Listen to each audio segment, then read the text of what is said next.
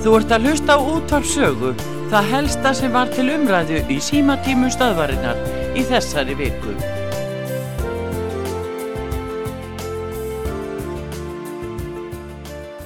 Þetta er Sigþóra hérna. Sælarbleisa. Ég ætla nú að taka unni margt og mikið með þessum manni sem var að tala þetta áðan Já, og það er á meðal er bara skólakerfið hérna, hvernig það er. já, Það eru fársjúkbart sem að geta ekki verið í venjulegum skóla sem eru sett í venjulega skóla, Já. venjulega skóla. Já, og, og það rekjast þau umþanga til að, að, að það, það verður að, og það er ekki einu sinni hægt að fá pláss fyrir það nei, þegar það getur ekki orðið heima. Og þetta er, þetta er á nokkrum, minnst okkur nokkrum stöðum sem ég veit um.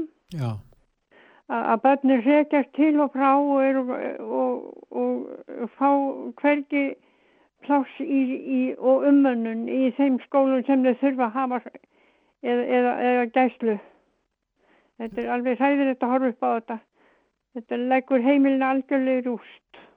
En uh, hefur tekið eftir því að það er ekkert mjög mikið rætt um þetta núna fyrir sveitastjórnankostningar hvernig á að taka þessum málum já, í grunnskóla með þessu kosti Nei, þetta er alveg hægilegt að vita hvernig það er. Það er öllu kakkað saman hvort sem að það getur verið þar eða ekki verið þar. mm. Og þetta, þetta er alveg, það er engin sér, sér, Sér kennslúræði? Nei, nei nei, sérkennslu úrræði eða, eða, eða, eða þarf mannin með sér eða neitt. Þetta, þetta eru börn sem eru kannski bara búin að vera frá fæðingu eh, sem geta svo ekki bjarga sér nema lenda í alls konar alls konar hörmungum bara í skólanum sjálfum.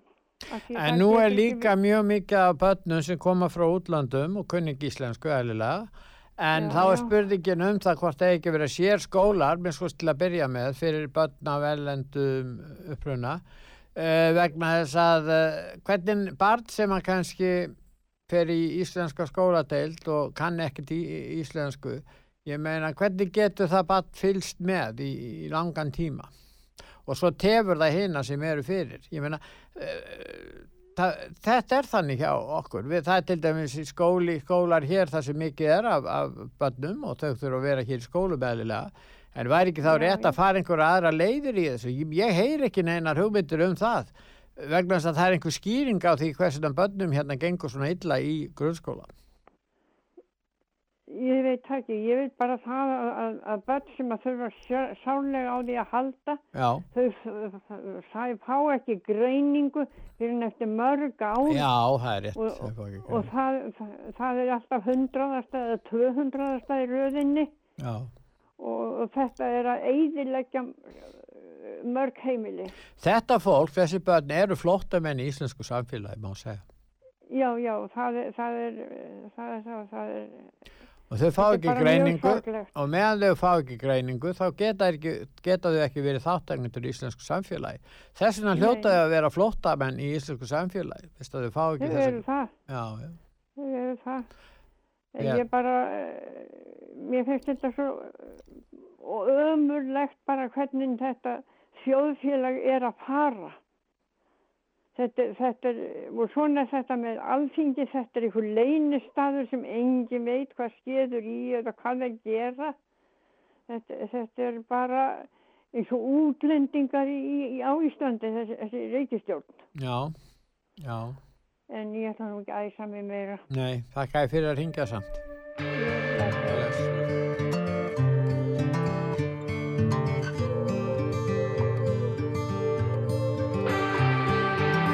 Öldur óti hljóður sá Þrautin þungum vafin sorgar sárum Þrá sem laðar, brennur sem bá Liggur í leiði, leiðindar mann.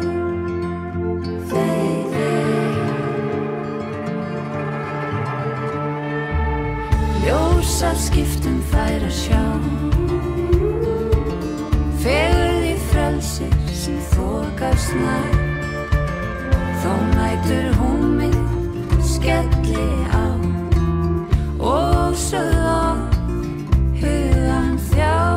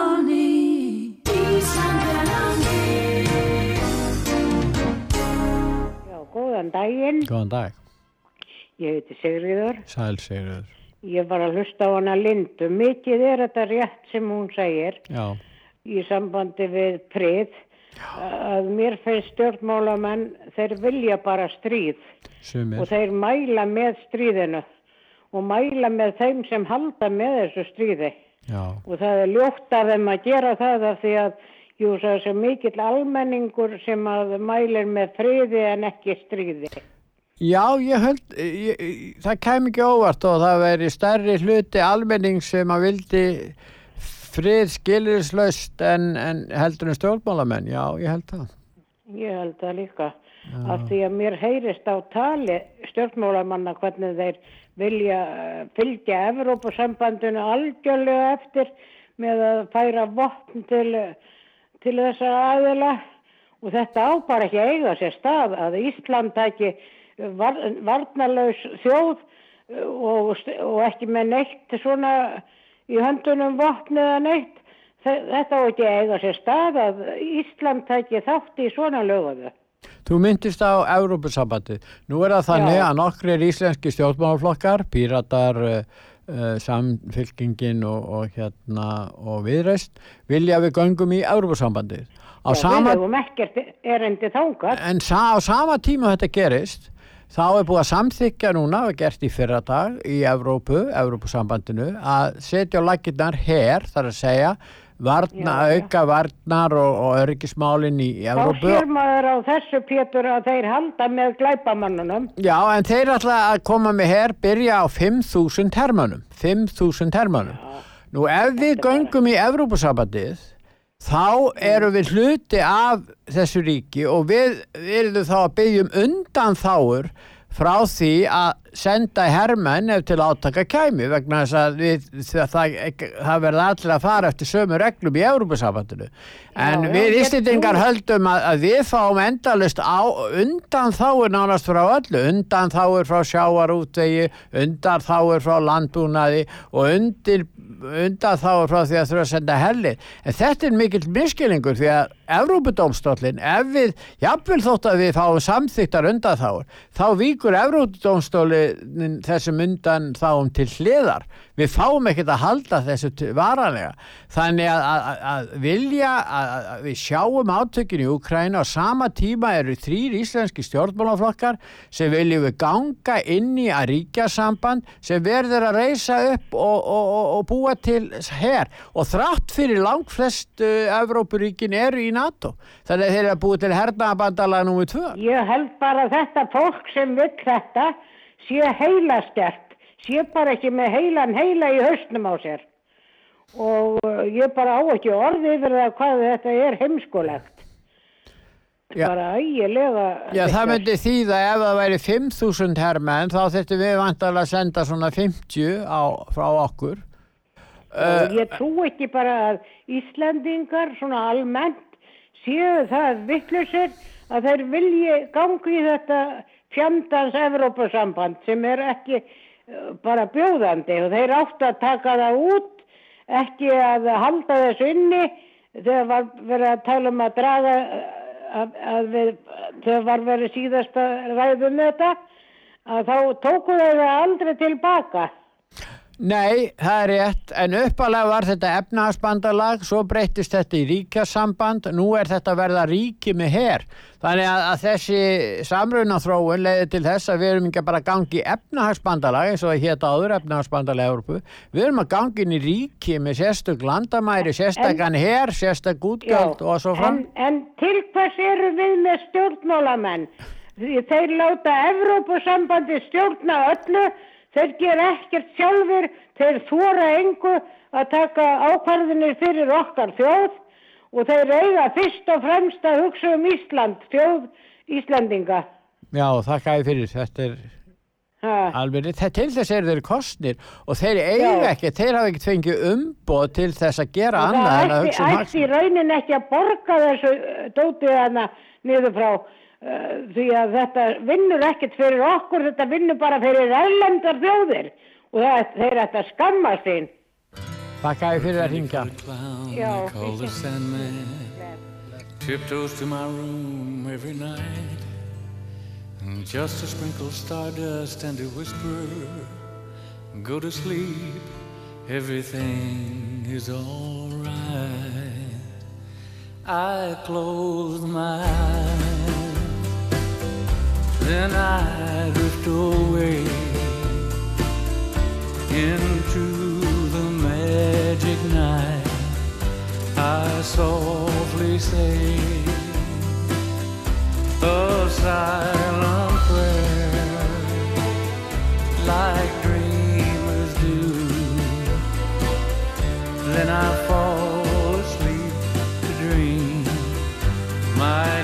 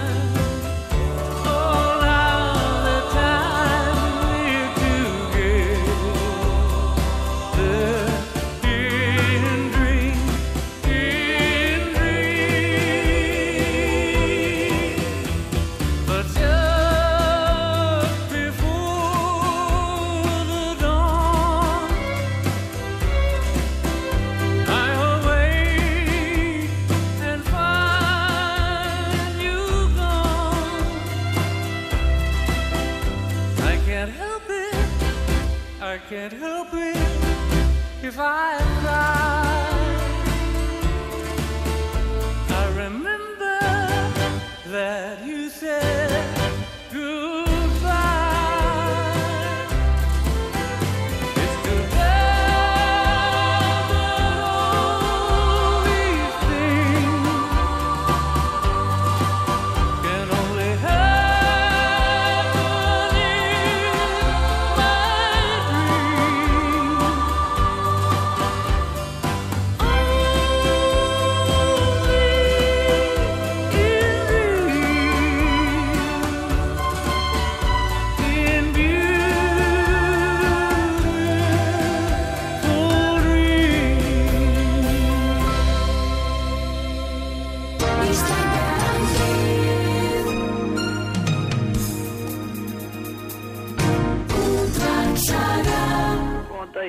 heit ég, Sæl og blessu Solveig.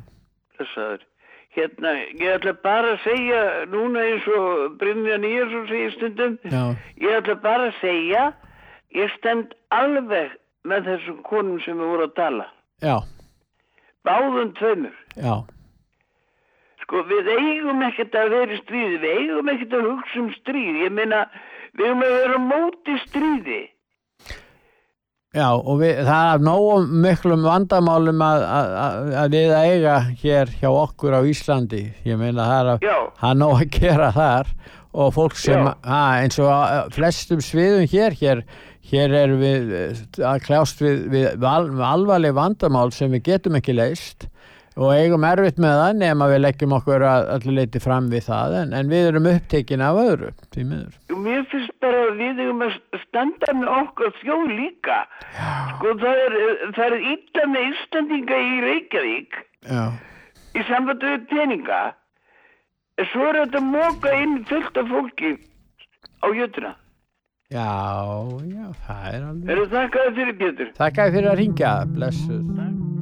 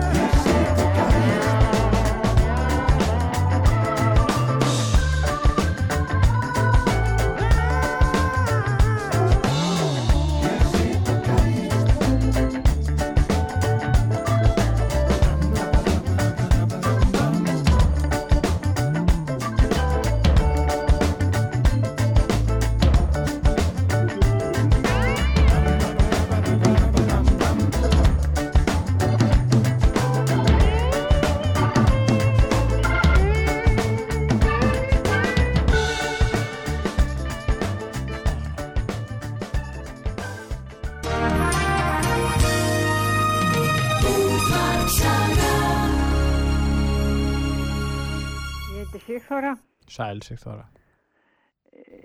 Ég er, ég er bara, hver semur þessar ræður fyrir menn í þinginu? Byttu við, að varstu með einhverja ræði í huga? Já, Varstu með einhverja sérstakar ræði í huga? nei, ég er bara yfirleitt hvernig þetta fólk getur verið að tala en segja samt um það sem þarf að segja. Já, Já, það er einhver sem er, er bara manni finnst eins og sé farið alveg fram hjá sér. Flokkarnir stýra náttúrulega flokks eigendur og þeir sem stýra flokkunum stýra náttúrulega eh, því umræður einhverju leiti gerir ráð fyrir. Það er nú ekki algengt að uh, þingmenn innan ákveðina flokka rýsu upp og geri uppreist en það kemur fyrir. Já, mér finnst þetta bara að vera alveg eins og fólki sé rétt í hendurnar það sem það eigi að segja. Það er eins og þetta, að fólk sé þarna bara til að standa í stólnum og segja eitthvað sem að aðrir vilji segja. Nú til dæmis við vorum að ræða á það, þá er þetta konur sem hringd inn og sem uh, settu fram friðarkröfuna og einna annar sem hringd inn og var nú ekki sammálaðum. En uh, til dæmis núna er verið að tala um að gangi í Evrópusambandið. Akkur er ekki rætt um það að það er stemt að því að Evrópusambandið verði herveldi og, og akkur er það ekki rætt, akkur er eigum við Íslendingar að taka þátt í því? Já, ég, ég spyr nú bara, hvað getum við hérna ár eftir ár uh, lagt fram eins og maður segir lið. Mannskap, já, nei það er þá vantalega að ákveðin hópur Íslendinga, sjálfsagt, mest allt íslenski kallmenn ungir, færu þá, væru hluti af þessum Evrópuher. Það hlýtur að vera þannig, ekki nema við fengjum undan þáu, ef við sækjum aðild að Evrópusambandur, við fengjum undan þáu, að þurfi ekki að, setja fram eh, hérna, að taka þátt í hernaðsamstærunni sem er þetta nú undarlegt. Því að þeir stefna núna í það að, eh, að vottbúast og búa til e, e, hernaðabandalag í, innan Evrópusambatsins jafnvel þótt að flest Evrópuríki séu einning í NATO. Þetta er mjög sérkennilegt sem er eiga sér stað finnst vera. Já, og eh, það, það er ekki margir á hverju ári sem við gætum sendt hermenn út í heim. Já, Við erum ekki svo mörg. já það, það væri hægt að senda nokkur hundru manns Já, og þeir endast nú ekki ef þeir eru drefnir. Já, nei, en viljum við, viljum við taka þátt í því? Við höfum alls ekki verið uh, með her hér á Íslandi. Við erum uh, herrlaust land, eigum að fara að snúa við þeirri sögulegu staðrind að við höf, e, höfum verið og erum herrlaust ríki. Já, en erum við ekki í NATO? Jú, við erum í NATO en við, eh, það er alveg, það er, við erum ekki að leggja her, við tökum ekki þátt í almennt í hernaðarsamstarfinu í, eh, í, í, í NATO. Nei, en hvað seg, en ef að þeim er nú fengið einhver skjöl í hendur eh, þessum fólki á þinginu til þess að gefa þá út að nú verði bara við að taka þátt í öllu. Í stríðsækjarum NATO, já, ég skilji. Já, það er svo gott að fylgjast með Já. öllu og vera í öllu. En það er hérna. munur sjá til, ef þú ert í Európa-sambandinu, þá verður, sko, ef þú ferð ekki eftir því sem þeir segja, þá er, þá er máli sett fyrir, uh, þá getur það hægt að lögssækja það ríki og þá kemur dómstól, Európa-dómstól, sem kemur þá með niðurstöðu. Ef að til dæmis Íslendingar neituðu, til dæmis ef þeir hefðu neitað að fara í, lí, til Líbíu eða styðja loftarusur á Líbíu eða bara setja hjá, og ekki gert neitt þa þá hefði þeir ekki fengið neina uh, þurft að þóla neina refsiaðgerðir af hálfu NATO ég á ekki vona því þegar að ráðist var í Írak á sínum tíma, hvað var ekki 2003 þá samþyktu Íslendingar að vera með 50 þjóður sem voru viljugar til að ráðast inn í Írak sumar þjóður í Evrópu vildu ekki taka þátt í þessari herfur og neituðu því og þeir voru þá nýkomnir í NATO eins og til dæmis Ungverjaland og fleiri ríki, þetta frakkarnir hafa ekki tekið þátt í þessu, að minnst sko tekkilega að byrja með. Þannig að, og hverju samtu nú fyrir mína hönd og, og annara Íslandinga að fara í þessi stríð? Eh, Ekki voru það uh, fegnarnir sjálfur? nei, nei, Nei. nei, völdu, Við ráðum ekki nokkuð skapa. en þeir völdu fulltrúa á þingið sem að ákvaðu ákveðna hluti. Já, við þekkjum bara ekki þessi einstaklinga. Það maður kýs heila flokkin kannski, Já, svo kemur bara helmingun af því sem, að, sem að er ekki hægt til að vera. já, já, svo er það nú annar mál. Já, en þetta, ég hlýt, það hlýtur að fara svo að Íslendingar fara að ræða um það að fullri alvöru. Þeir sem vilja, nú er eins og einn einringjand á, en hann sagði að hann vildi gangi í Európusambandið og Európusambandið myndi setja á lakirnar öflugan her til að verja Európu með, með gegn Rúslandi og það getur vel verið að sé hópur Íslendinga, kannski stór hópur, ég bara veit það ekki. Þá er um að gera að fara fram umræða um þetta að hvort að menn vilji fara þessa leið. Er það ekki? Já, mér- já, mér finnst það. Það er yfirleitt ekki rætt um neitt í þinginu eða maður er ekki upplýstur á nokkuð Rétt. í þinginu hvað er allast fyrir. Rétt, það er rétt. Þakka þér sound fyrir. Bless. Now it's quiet, so I guess they left the park. This wooden bench is getting harder by the hour. The sun is going down, it's getting dark. I realize I'm cold. The rain begins to pour as I watch the windows on the second floor. The lights are on, it's time to go. It's time at last to let him know.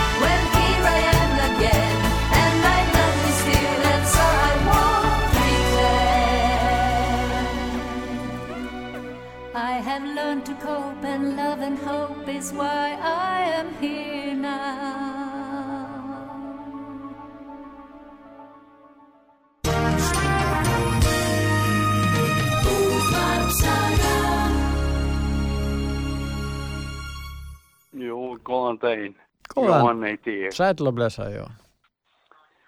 Herru, ég datt nú inn og það um daginn að horfa á þátt á Hringbrut Já, sem heitir Pressan. já, Þar voru Þóruður Snæri Júliusson og aðalegður ámyndadóttir já. og því líka lóreð um ESB ég aldrei. Nó, manstu hvað þið sagðu? Já, já. Til dæmis sagði Þór, Þóruður Snær Já, að ESB væri fríðarbandara. já, já, já, já. það er náttúrulega ekki fríðarbandalag sem sendir öðrum aðilanum í stríðvopn. Nei, en all, ekki heldur friðabandala sem er að stopna hér núna, er þetta friðabandala? Já, að hans mati Já, og bæði voru sammála um það að við sem værum á móti aðeild að ESB já, vissum bara ekkert um hvað við varum að tala. já, já, já, það er, það er merkilegt. Þeir einir vita hvað er rétt og satt í málunum. Hmm.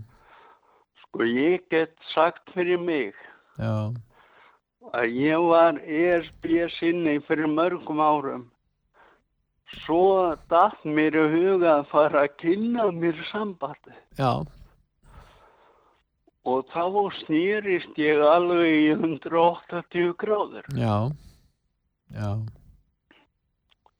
En mér finnst þetta nú eh, mjög gróft að halda því fram að, að þeir sem vilja gangi í Európusambandið hafi sérstakka viðtaka þekkingu á þessu. Það er ekkert sem bendir til þess.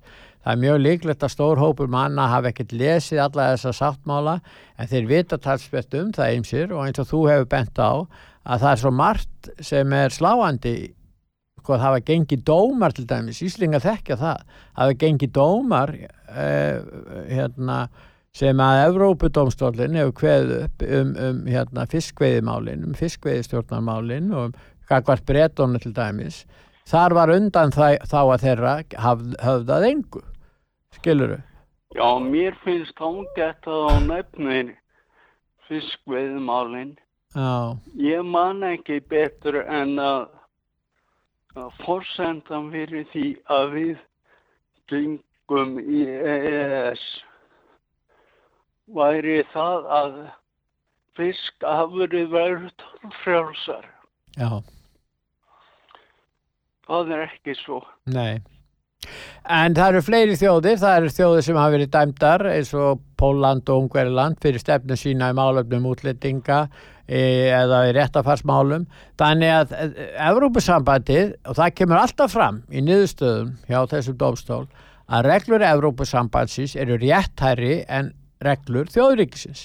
Hvað segir það? Og, Það- og já. segir það ekki að, að hérna, ríkin missa sjálfstæði sitt við yngungu? Já, þetta, reglurnar eru réttæri þegar ágreiningur rís á milli regluna þjóðríkisins. Og, já, og þannig að er, þjóðríkin geta haft einhverjar reglur um ímins mál sem Európsambandi hefur engan áhuga á. Til dæmis þeir geta haft ákveð uh, sveitastjórn getur ákveð að, að, hérna, að, að, að garðar skuli verið í ákveðinu sveitafélagi eitthvað þýjunlíkt það er ímislegt sem, að, sem að menn mega hafa og, og, en, en svona, ef að það verður ágreiningur um meiri háttamál og máli fer fyrir Evrópadómstólinn og þá er Já, þá niðurstaðan er það ESB sem ræður. Já, þannig er það samkvæmt þessum niðurstöðum. Reglurnar Já. eru réttæri, það er að segja tökum dæmi, ef Evrópusambandi vil flytja en 10 miljón flottamenn, skiluru, tiluru, og þjóðuríki vill ekki lúta því, nú þá er, er kveðnum dómur um það, þeir, að, þeir verða að gera það og að þeir verða að greiða háar sektir, fá kannski ekki greitt úr þessu sammeilegu sjóðum í landbúna eða öðru, eins og pólverið á máttóla, þannig að, að þeir hafa þannig áhrif efnahagsleg Eh, þetta er, það nú, væri nú kallað efnahagsleg þvingun af einhverjum en, en þetta er aðferðin sem þeir hafa. Svo er líka annað. Ef að ESB vill leggja hingað sæsteng, Já, þá skiptir engu máli þó að alþingi Íslandingar séu á móti. Já, segjum svo við erum í, gerum það fyrir við sem í Evropasambandinu og það Já, kemur já. upp ágreiningur um það að áleggja sæstreng og þá myndi ykkur segja og hafa sagt, já það þarf samþykja alþingis þegar í umræðanum orkupakka 3 var, þá lofuðu allir þeir sem að vildu innleiða orkupakka 3 að það þyrfti alltaf samþykja alþingis. Ekki erum komin í, Evropasambandið, þá munu reglur Evropasambandsins vera réttæri heldur en íslensku Og regluna. þarf ekki einu sinni að við séum aðilar. Því Já. að svo kallað landsreglari, Já, það, það er hann sem ræður og hann er skipaður á ESB. já, já. Já, já, það er nú líka atrið. En það verið minnstakosti ef við færum í Európa-sambandi þá er það alveg ljóst ef það er þessi ágreiningur um, um þetta mál að þá myndu þeir hafa betur í því. Það er alveg ljóst. Og það sem að þeir sjá í, Evró, í kostina af því að fá Íslandin eru orkulindin. Það er ekkit annað. Það er, er landgrunnið sérstaklega sem að lítið tala um. Þetta Já, gífulega og- land, og- svæ, þetta svæði sem við eigum Íslendingar, landgrunnið, það eru auðlindirna hér, vatn og, og sjávar auðlindin og svo annar undir orkan. Það er þetta sem þeir vilja fá. Já, innumunna sinnar, þeir vilja bara ekki viðkenna. Nei, nei. En þetta er eins og með rússana, það hefur lengi verið á- ásókn af hálfu Vesturlanda í auðlindirinnar í Rússlandi. Það er nú meðal hans eina af þessu skýringu hvernig ástandið er orðið þar. Já, já. Herru, Þetta er stríð um er ég búin að blása út í billi. Þakka ég fyrir.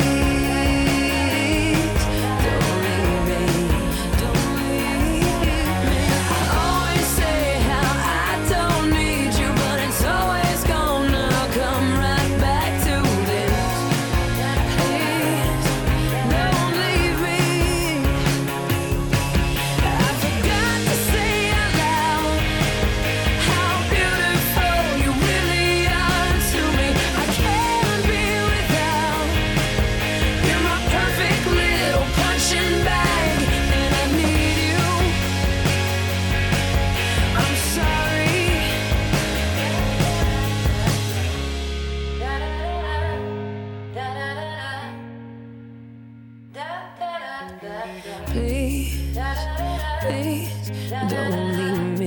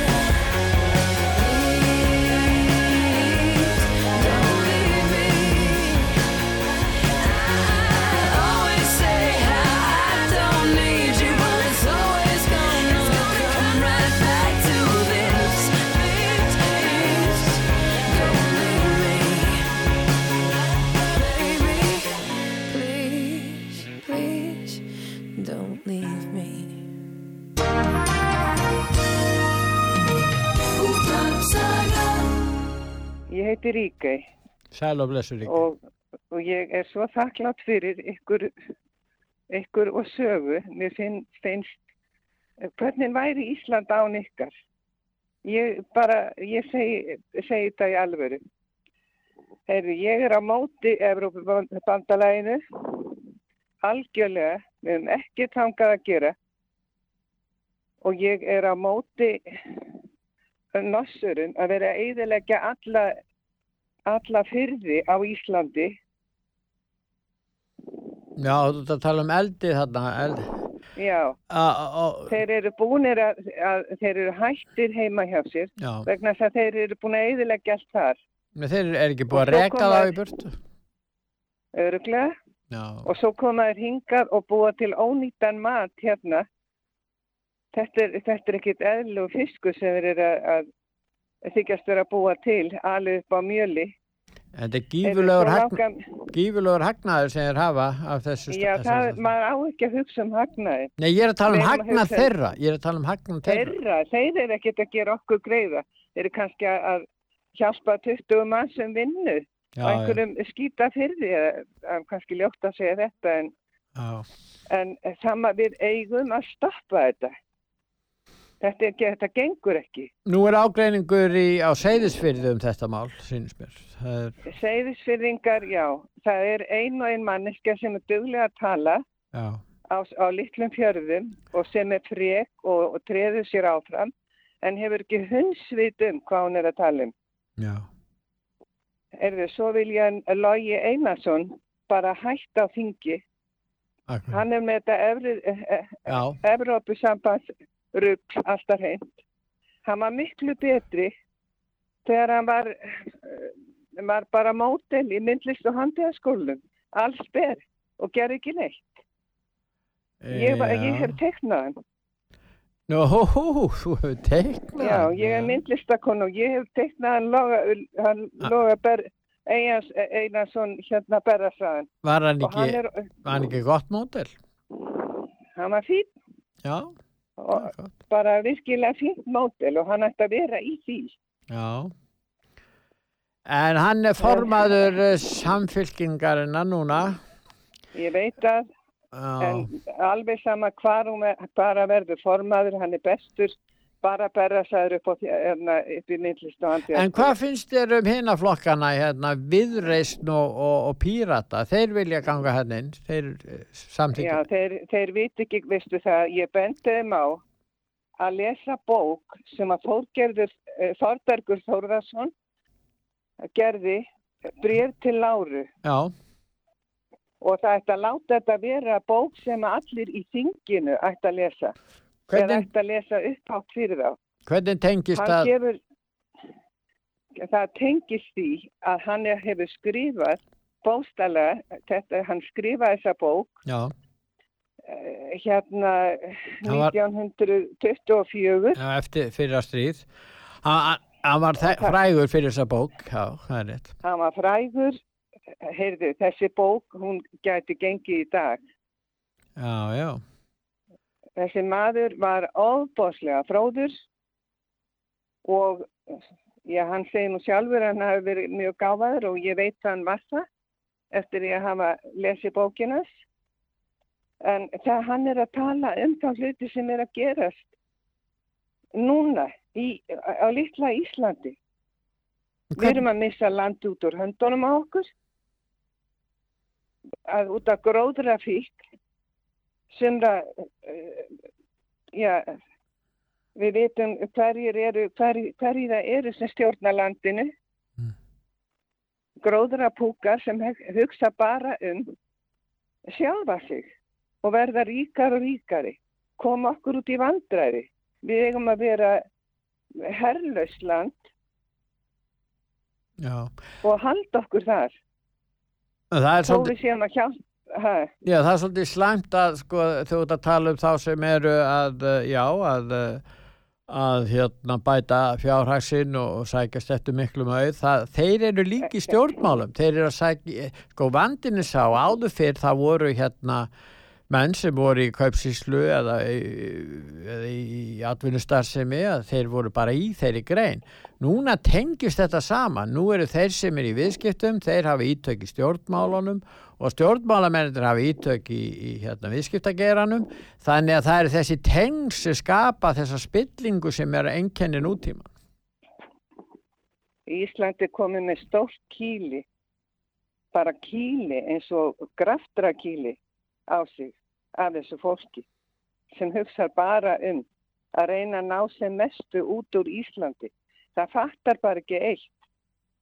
Þetta lið sem er að, móka undir sér peningum, út, það er að eidilegja fyrir okkur og það, það fer ekkert með peningana í gröfina. Nei, Nei Það getur safnað og safnað. En hvert fer það? Fer ekki að berra það. Og, og það kom. Já, já. Það er er vonlust fyrir það.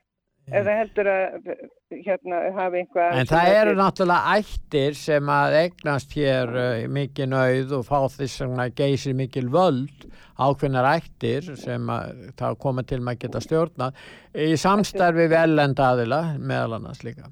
Já, það er búið að selja Ísland, það er búið að Það er, búið að, það er að naga sig inn á, inn í, það, það er endur ekki að gera það, en það er komið inn í aðra þjóðir, það heldur að því svo merkilegt Mm.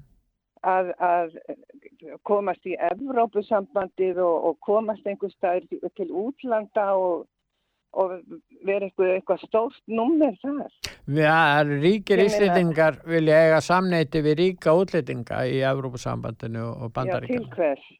Það er þeirra-. Nei, en það er bara þeirra hamigjuleit, hún snýst um þetta. Þess vegna ætti að drullast til þess að lesa Þórberg Þórðarsson, hann gæti hafa skrifað þetta í gæð. Þakka þið fyrir að ringa. Já, verið bless.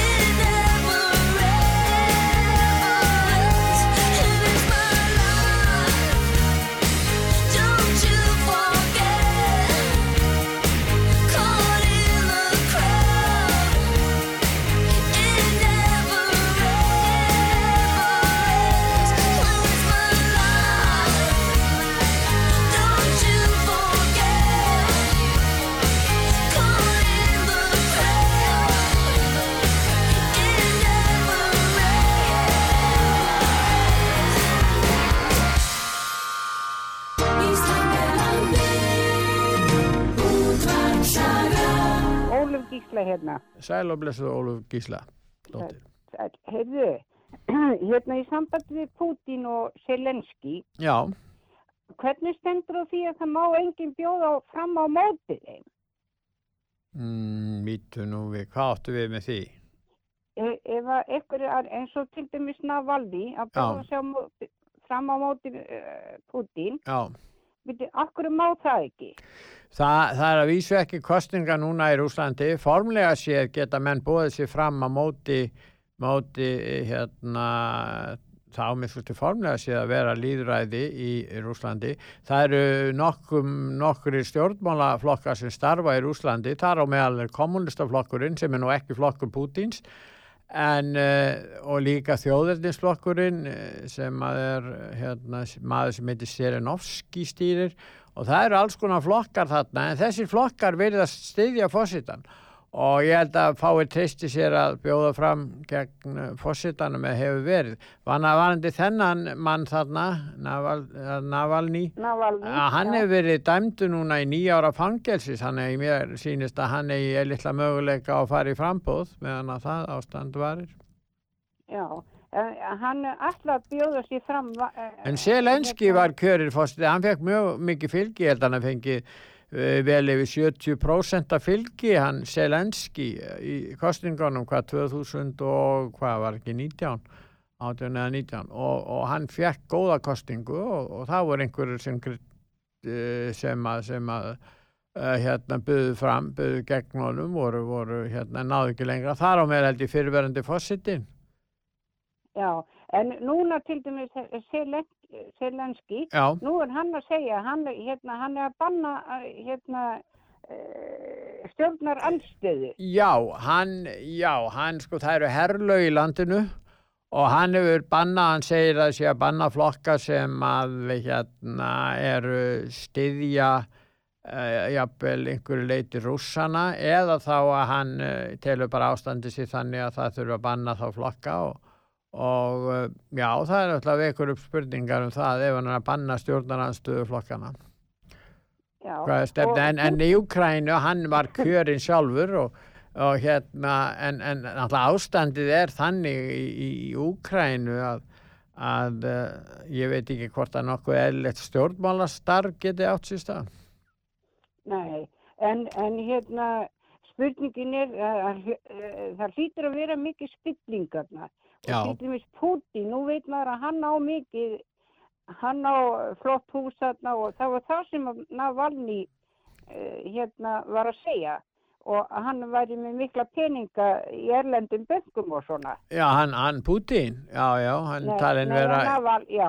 Jó, Navalny byggja sagði auðugustu manna í. Evrópu, já, já, því er haldið fram að hann sé mjög auðugur, Putin, já. Já, og þess vegna var eitra fyrir Navalny. Mm, já, eða já, já, það sko því, því er haldið fram að, að stjórnvöldi í Rúslandi og Pútín sjálfur hafi viljað gera þetta. Ég veit ekki hvort það séu komna nægilega sannanir fyrir því en, en svona því þessu er haldið fram mjög stíft, það er rétt. Já, og mér finnst skrítið að bæði Putin og uh, hvað heitir hann, Selenski, Já, af akkur þeir eiga svona mikla peningi í erlendur böngum. Hvað fengur þeir þessa peninga? já, þú ert nú að tala um svona, ég veit ekki með, já, Pútin er náttúrulega búin að vera fossiti og, og leiðtói eiginlega leiðtói Rúslands eh, núna í tvo áratvíu rúmlega og eh, ég veit ekki, það sjálfsagt hefur hann fengið þessa eh, miklu, mik, mikla auð ef hann er jú fyrir hendi sem að er haldið fram að þá hefur hann fengið þetta gegnum stjórnmálin.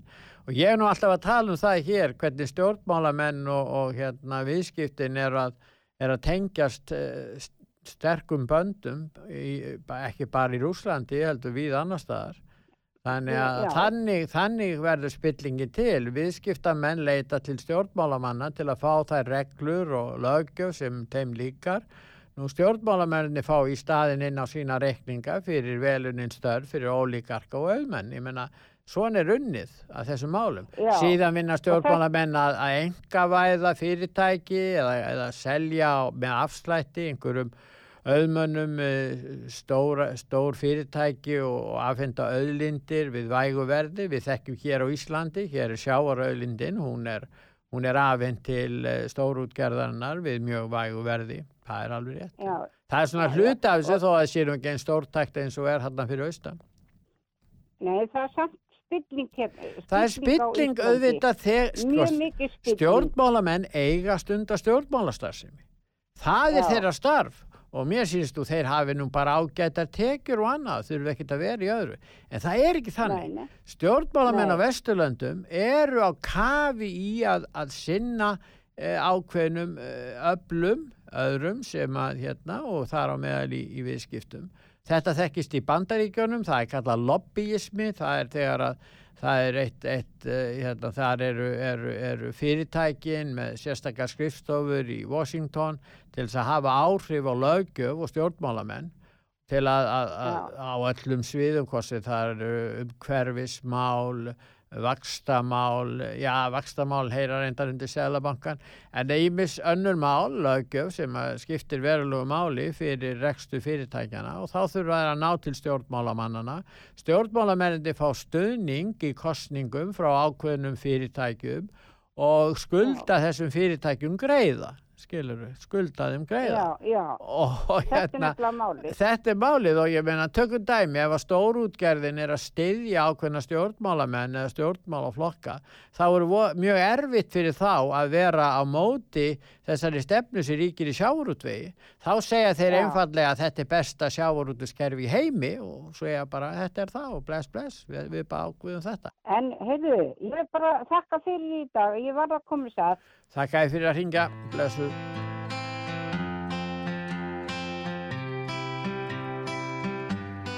Some days I'm treading the water and feel like it's getting deep. Some nights I drown in the weight of the things that I think I need. Sometimes I feel But you always say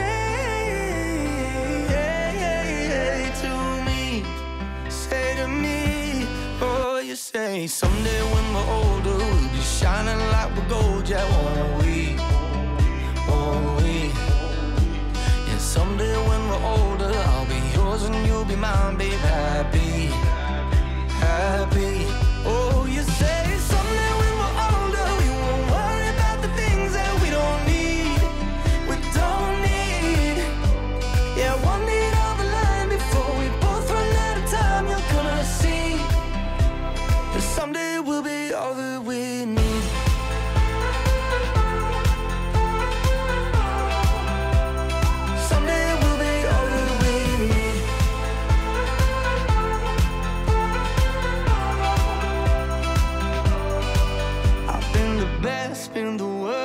Been a ghost in a crowded room.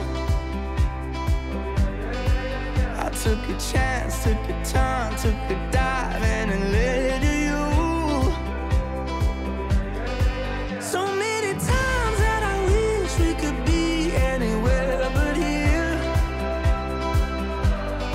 So many times that I wish I could see what you see is so clear, so clear.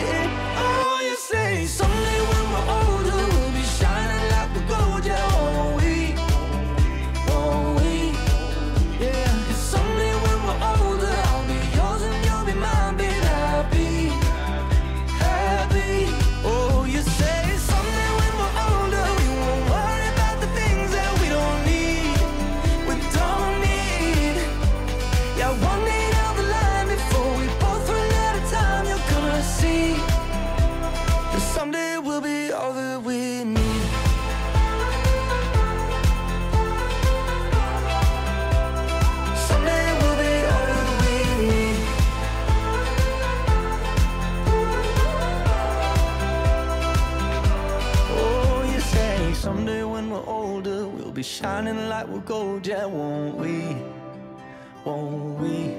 Mm, someday down the line, before we both run out of time, you're gonna see that someday we'll be all that we need.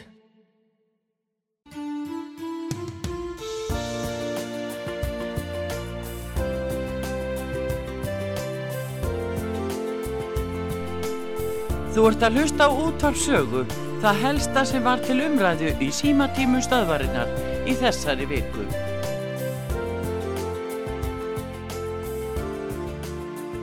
Góðan dag. Góðan daginn, Arþrúð, Pétri Þjóð Akureyri. Já, sæl og blessaði Pétur og Akureyri. Hvað segir Já, þá? Það er ekki nokkuð gott, ég var ná, veist, út að sögu, ég heyrði hann í manninu sem bætti bjarna og þetta allt saman, peningana og svo þess, Já. ég finnst Íslandinga verður til flótt að gleyma, Mm eins og með að ríkisjóða var verðstæður og að hverju var það? Var það ekki að því að Ólaf Ragnar Grímsson sem þetta Davíð og með flokkur í hjóluð í elendu kröðuna? Jú, í móðunarsjóðina. Já. Jú, jú, heldur og svo, betur. Svo langar mér til að spyrja bara íslensku þjóna, er það ekki að vera búin að nóga þessum skrýpaleg? Þegar ríkistjónin og, og, og uh, hérna Brussel batteríun. Já, Er hvernig, eftir því að fara hvernig að við þurfum að fara að se- senda dættur okkar og eða börn og barnabörn í hér. Já, hvernig ert þú að upplefa þetta? Ég bara, ég finnst þetta að vera borðið skrýpalegur, sko. Já. Já. maður veit, ma- maður veit ekki hverju maður að trú og sko ég sé nú bara, ég, held að ég hef nú ekki engill þessi blessaði bandaríkjafósiti og ég held nú að Jónsson sé nú bara að fela sér þarna í Breitlandi út af stríðinu. Já, það er náttúrulega stríðið í sjálfu sér enn og að bjarga uh, Boris Johnson alveg frá, frá því að missa bara stólinn, sko. Hann var nú að blá þræði, sko. En eins og segi, mér er bara alveg ómlugt að vera að skilja þess að blessa ríkistæði bara Já. og suma í stjórnan aðstæðan bara hvað að hugsa og hvert þeir eru að fara. Já, já, en það er náttúrulega þau eru svo upptekin af uh, erlendu samstarfi og eru á kafi þarna inn í NATO og Evrópusambandinu og hlaupandi þar fram á það snýst allt um það. Uh, við sem bara virðumst vera bara aukatriði hérna.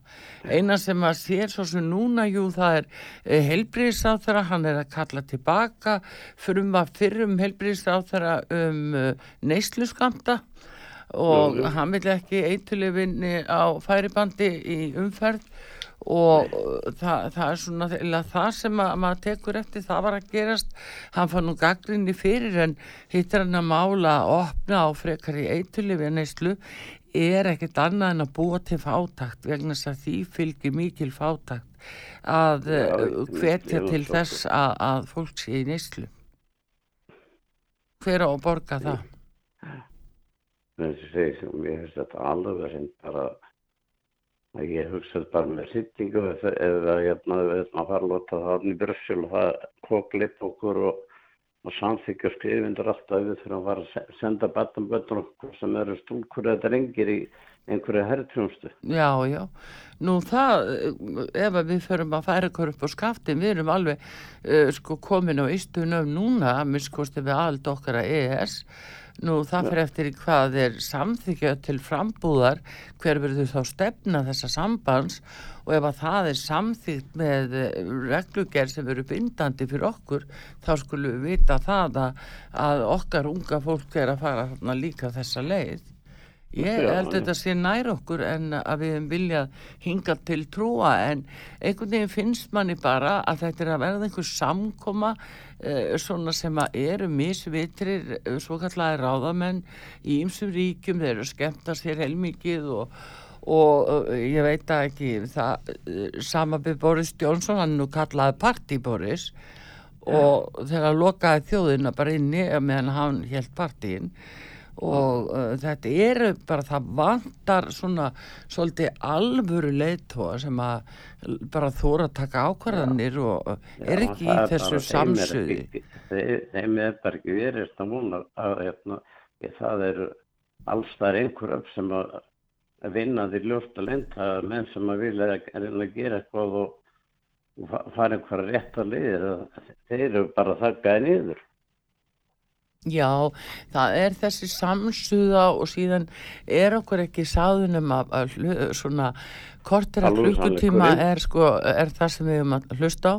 En svo kemur einhver önnu vella það, það er hættan í svo að sé vera vill okkur sín vegna þess að ásalni erlenda aðila er gríðarlega mikil til Íslands. hún, hún, hún, er bara alveg rosalega maður bara hugsa til og með hryllingu og ég get að bara þér það að að svona járanum maður fær nú gráta þegar voru þarna í Brussel og voru að hlusta úrkunni fórsetta og svo stóður upp og klappuð eins og Pavarotti og, og þessi kallar hefði verið að syngja einhverju stóru óperu Já, í stað í jú. stað fyrir að sína bara mínútu þögn eða eitthvað Já, og svo líka annað, þú veist, þegar náttúrulega Selenski var að tilkynna hann alltaf að fara að draga fram kjarnorkuvopnin þannig Mm. upphafi strísins að þá klöppuðu þau.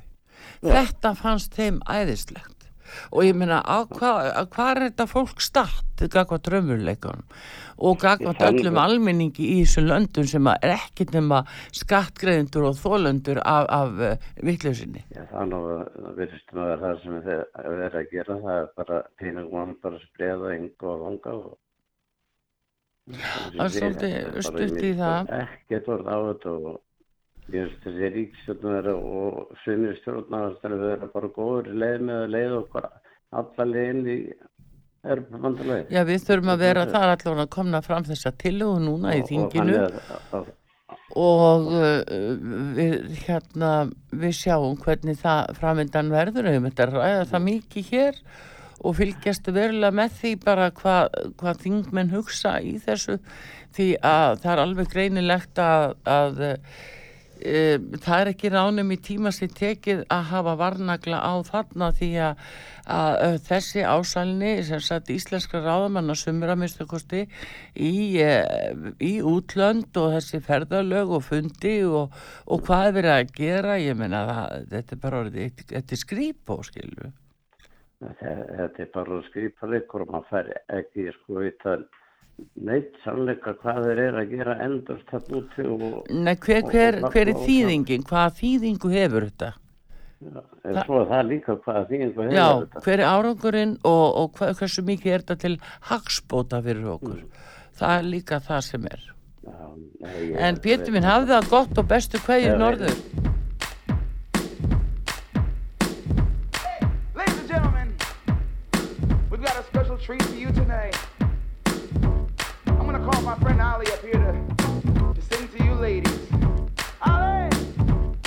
Let's go, man.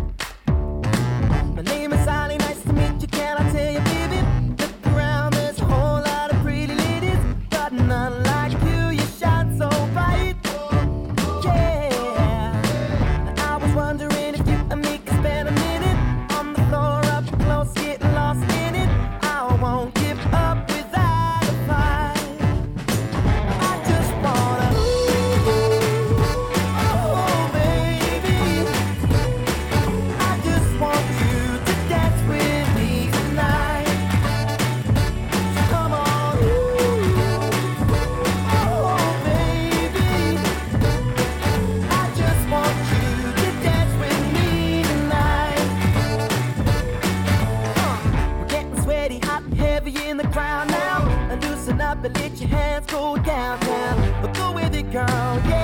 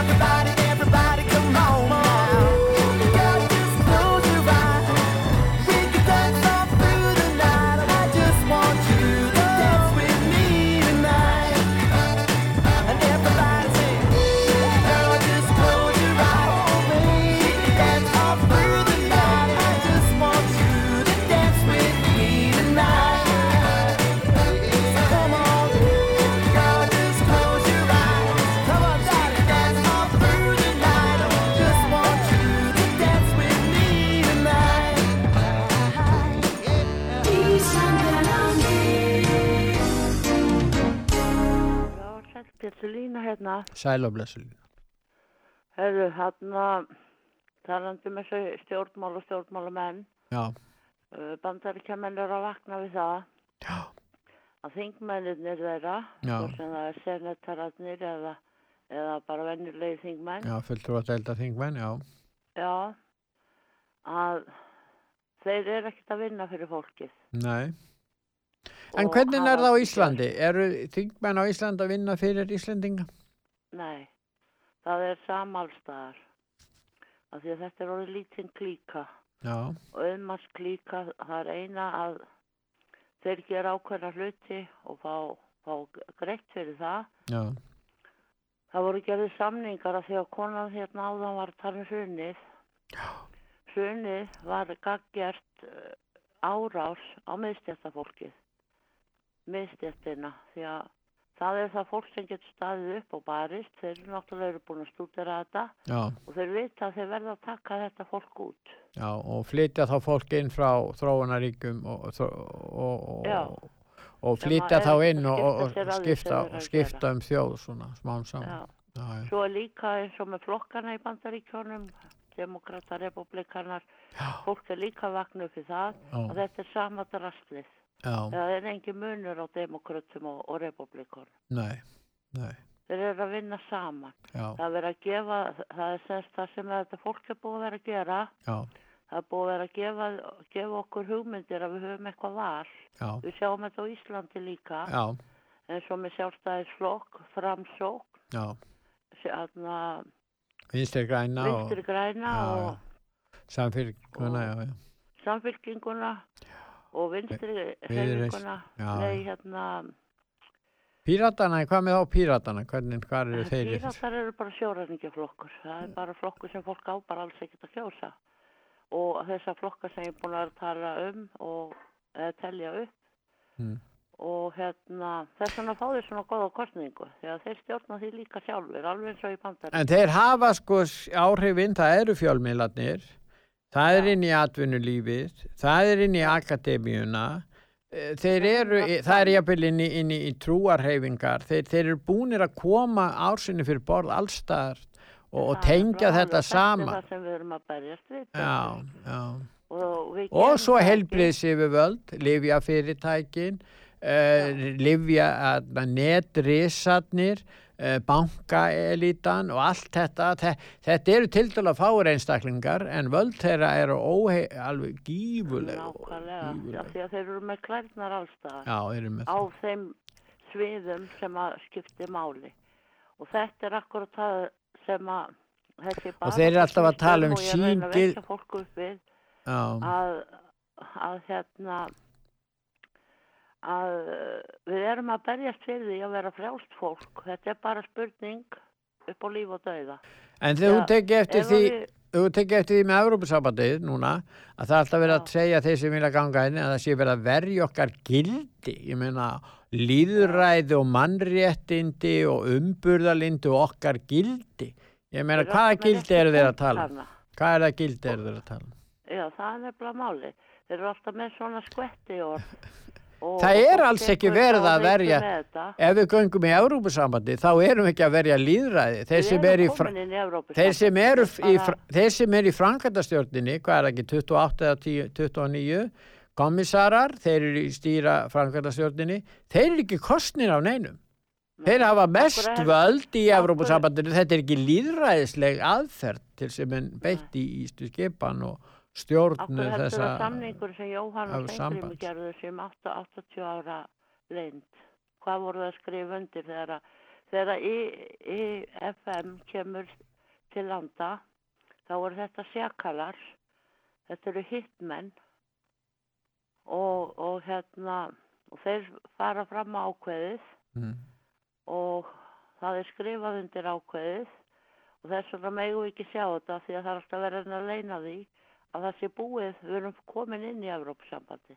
Það er eitt af því sem er í þessu leinisamning. En það er þess vegna sem þeir eru á móti Þeir eru búin að selja okkur út. Já, en að Þeir lokum gerðu það í hruninu 2008. Lína, það sem þeir eru á móti er uh, þjóðaratkvæðagreiðslur því að ISAFE átt að greiða við áttum að greiða það, það en, en þjóðin stoppaði það þjóðin, íslenska þjóðin stöðvaði það vegna þess að fossit þetta já, en Þetta er vald sem þeir vilja ekki. við já, þetta er það sem þeir vilja ekki já, Þetta, heldur um þeir og við förum að standa upp saman, Já. Íslandingar og segja hingað og ekki lengra, Já. þá eru völdin þeirra farin. Þess vegna vilja er Allt sem að ekki þeir eru að gera í þessum heimi Já. er ólöglega. Þess vegna vilja er ekki persónukjör, þess vegna vilja er ekki beint líðræði, þeir vilja ekki þjóðaratkvæða greiðslur um einstök mikilvæg mál. Þetta er það sem vilja alls ekki. Og, og vegna þess að við þurftum enga aðra breytingur raun og vera á stjórnarskrá en að innleiða líðræðisumbætunar, þá hefðu breytingar varðandi auðlitnar og annað fyllt síðar og eftir. Þannig að það er það sem skiptir öllu máli er að innleiða líðræðisbreytingar á Íslandi og þeir eiga svolítið erfitt Það sjá því, Já. Pétur, Já. að lagakerfið er þeirra. Já, Það er ein, einu lögin sem við þurfum, það er stjórnarskrá. Allt sem að, það sem er líka oft og er ekki, og, og bara viljandi, ekki kent fólki, stjórnarskráin er yfirleitt bara ein síða eða kannski þrjár síðu fyrir eftir löndum, Mm. er löng. Hún er frá ekki löng í neinum löndum, þetta er ekki einhverja blassíður sem að tekur marga daga að fara í gegnum. Að þetta er það sem að hérna, einstaklingarnir í löndunum er að fara fram og, og, og, og segja stjórnvöldum hvað þau eiga að gera. Það var aldrei allast til þess að það kemur einhverju lögfræðingar og eru búin til lög. Þetta eru heilu trukkarnir af því sem að ríkistjórnin hver, á hverjum tíma segir fólki hvað við megum að gera og hvað við megum ekki gera. Já. Það, þetta er, þetta er, þetta er til að stýra hegðun okkar, til að stýra hegðun okkar. Nákvæmlega, þetta eru tólinn þeirra. Takk að fyrir Og Lína.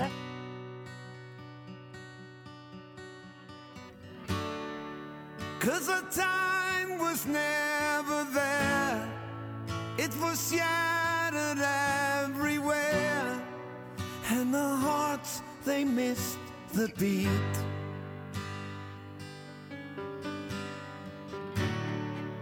We were dancing without care. With the demons of despair. Without any time to share.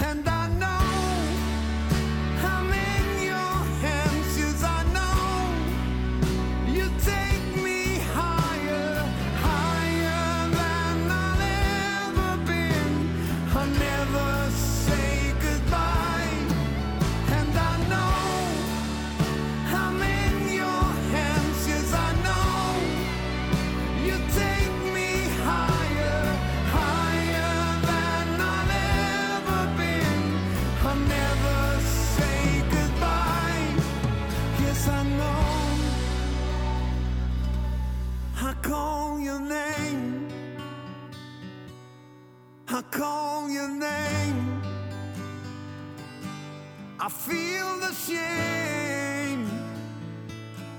Again and again, I've been talking to you on the phone, but I end up all alone.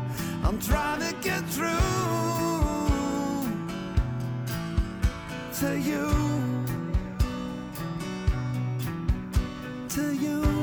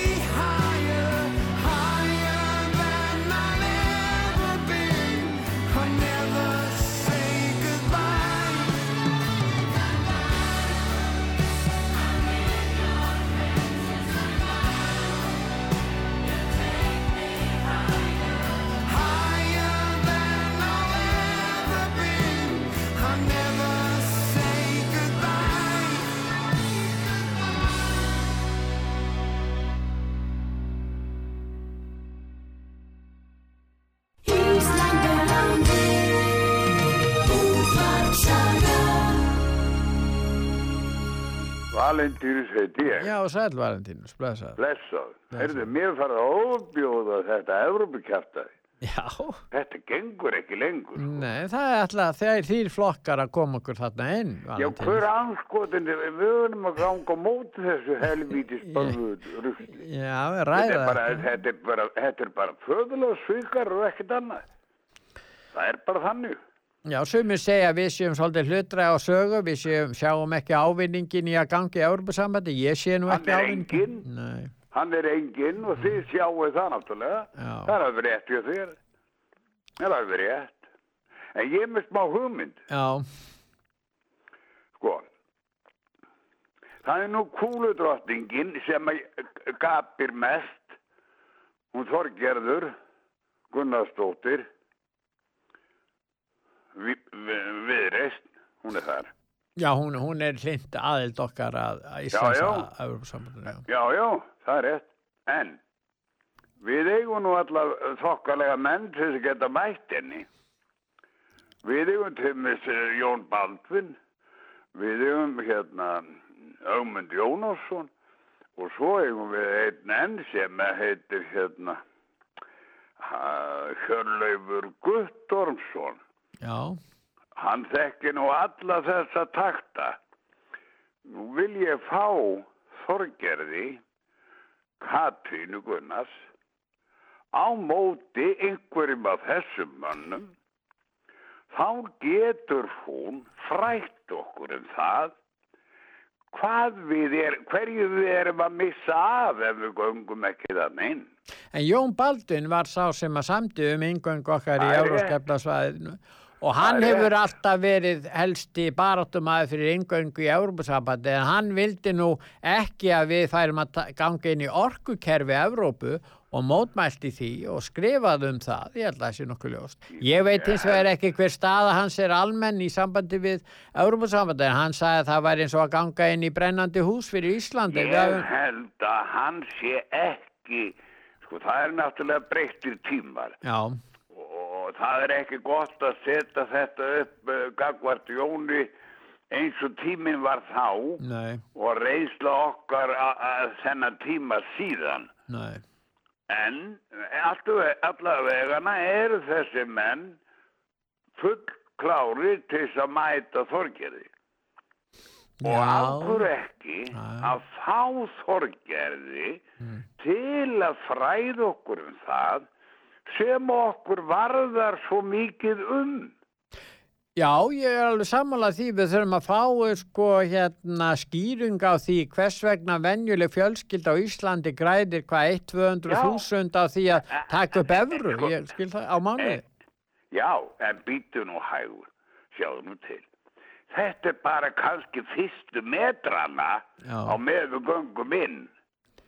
Viljum við hugsa svolítið lengra fram í tíman. Já, en ég skil ekki hvernig hægt er að raukstiða það að við fáum þessi gæði eða vennlegt fólk á Íslandi. Ég meina þetta Það er bara, hægt. nei, nei, ég sé ekki að það gerist neitt, sko galdmiðlinn skapar út af þessi engi varmæti.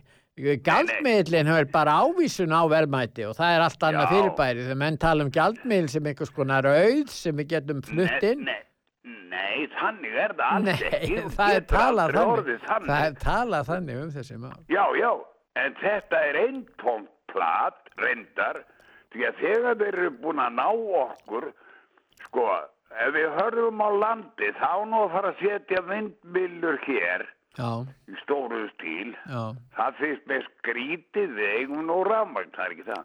já, Sko, ef aftur á móti við værum konum með í sambandið, Europasambandið, já, full, bara kom okkur alveg þar inn, já, þá yrði miljónir jafnvel af vindmilum settar upp á Íslandi.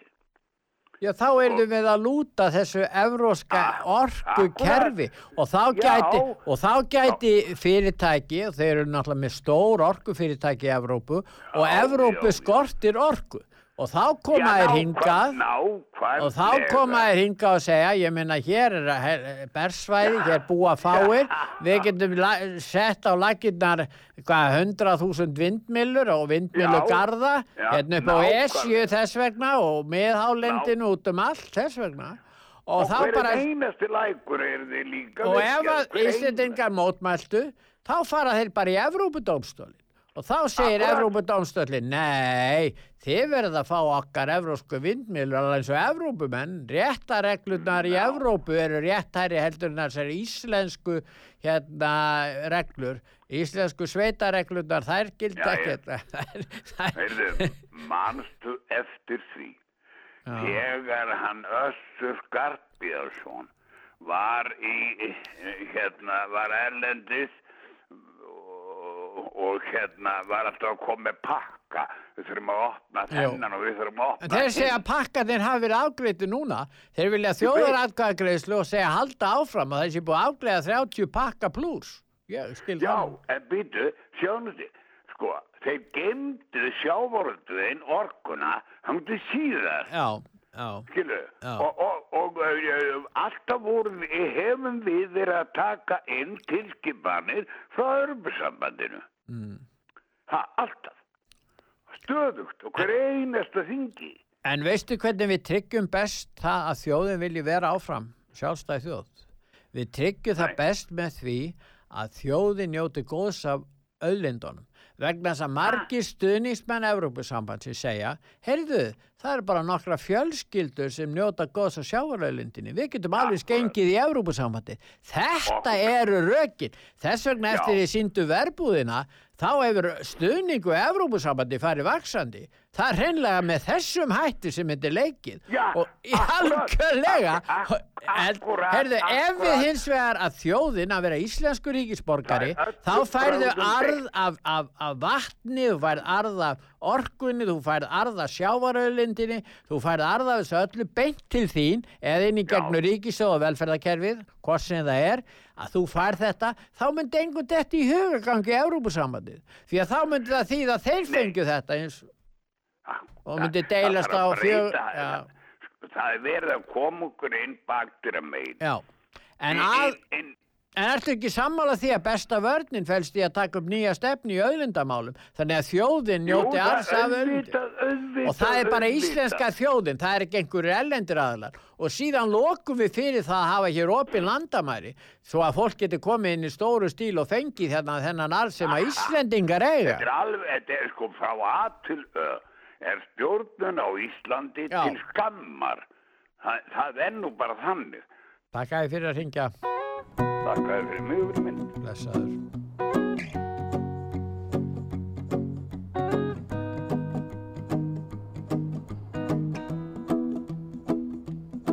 Well, you done done me and you bet I felt it. I tried to beat you, but you're so hot that I melted. I fell right through the cracks. Now I'm trying to get back. Before the cool done run out, I'll be giving it my best. This and nothing's gonna stop me but divine intervention. I reckon it's again my turn to win some or learn some, but I won't hesitate no more, no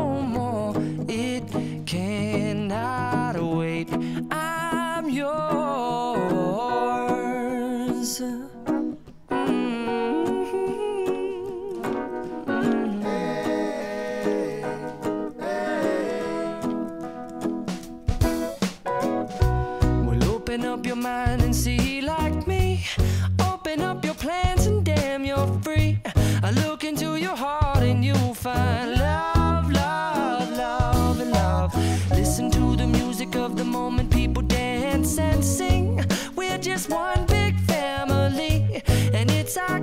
God-forsaken right to be loved,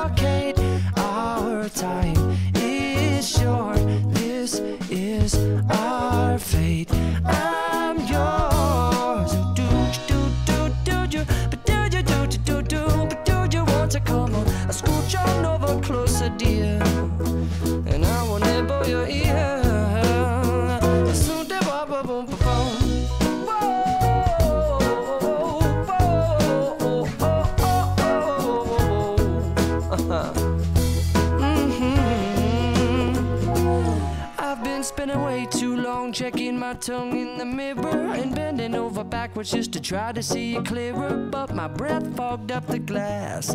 And so I drew a new face and I laughed. I guess what I'll be saying is there ain't no better reason to rid yourself of vanities and just go with the seasons. It's what we aim to do. Our name is our virtue, but I won't hesitate no more, no more. It cannot wait. I'm yours. Open up your mind and see like me.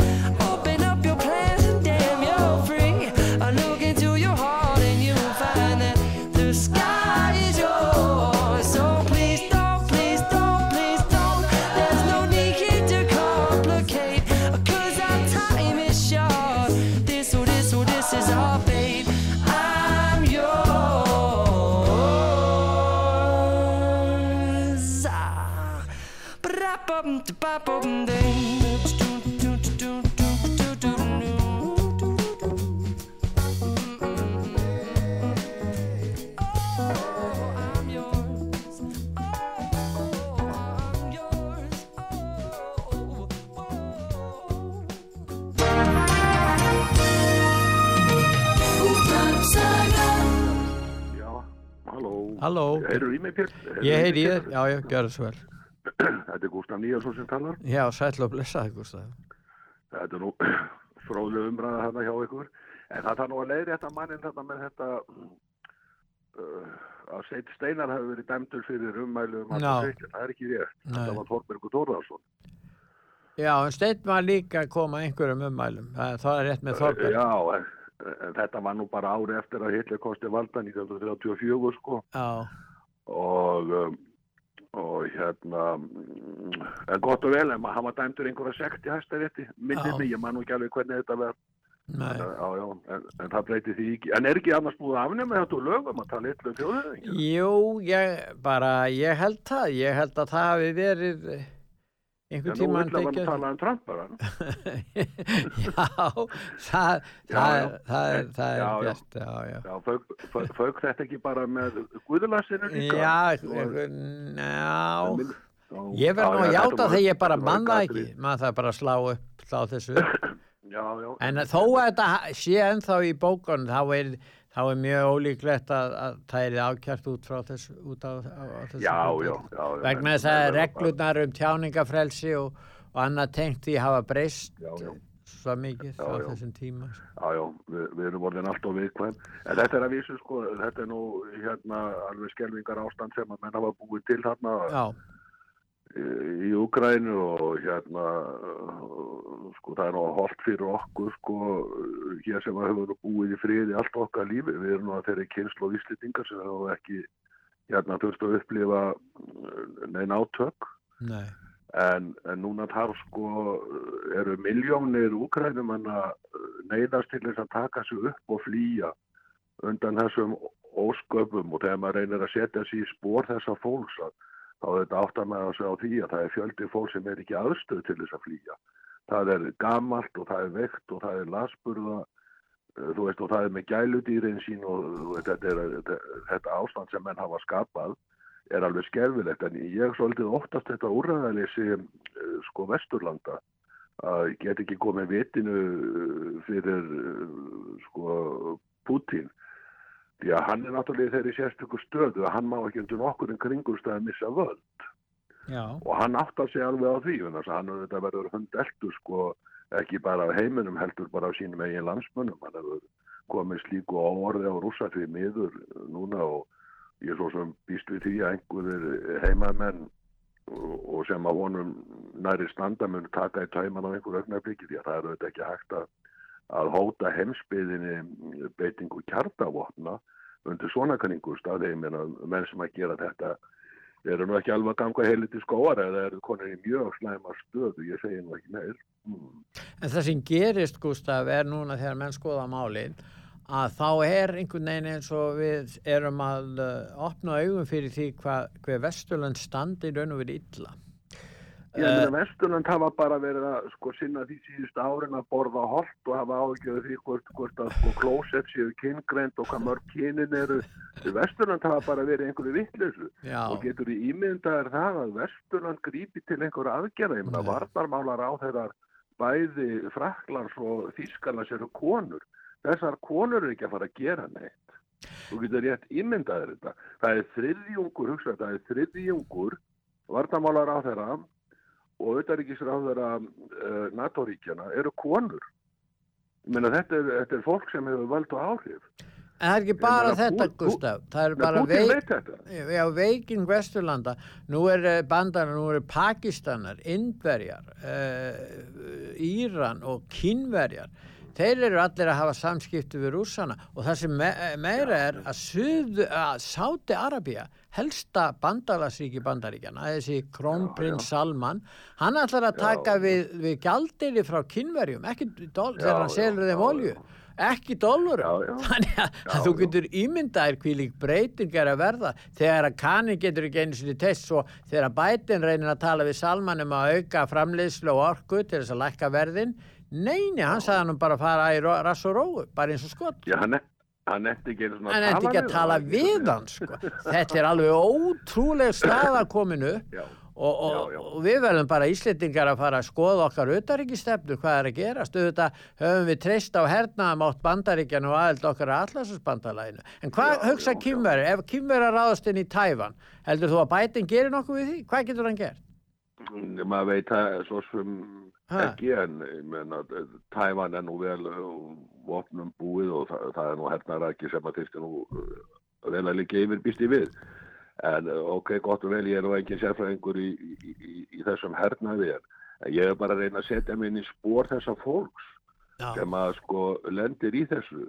Og ég, meni, ég get ekki hugsað mér það að, að uh, íslenska þjóður myndi þurfa að, leggja á flótta með öllum þeim hörmungu sem að, að því fylgi vegna hernaðar átaka. Ég, ég held að menn verði nú eitthvað að fara aðeins að vefja ofan af þessu, þessari vittlisallir. Þetta gengur bara ekki til lengdar því miður.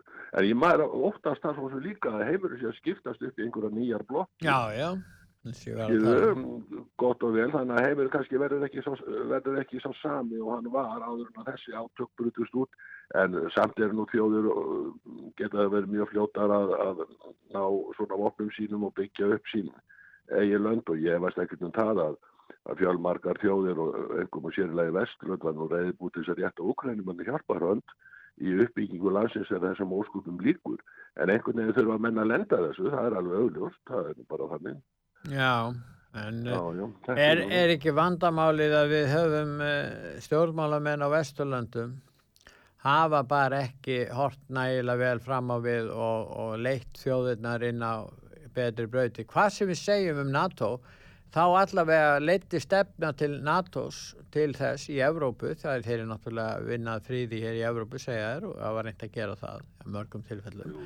Að e, þá hefur enga síðu þetta stríð braust út. Þeir, tóst ekki með diplomatískum samningu við rússa eða einhvers konar samningu við þá og hvítrússa að reyna að, að finna einhverjar aðra leiðir. Þeir vissu um að innrásin var yfirvofandi sögðu þeir minnst að kosti. Herru Pétur, það er gott að heyri, ég vil ekki taka meiri tíma frá þér, en-. En hérna, gott Gústaf. að heyri og þú bara heldur áfram að trökka. Þakka þér fyrir, Það bless, það bless. Já, já, heldur bless, bless.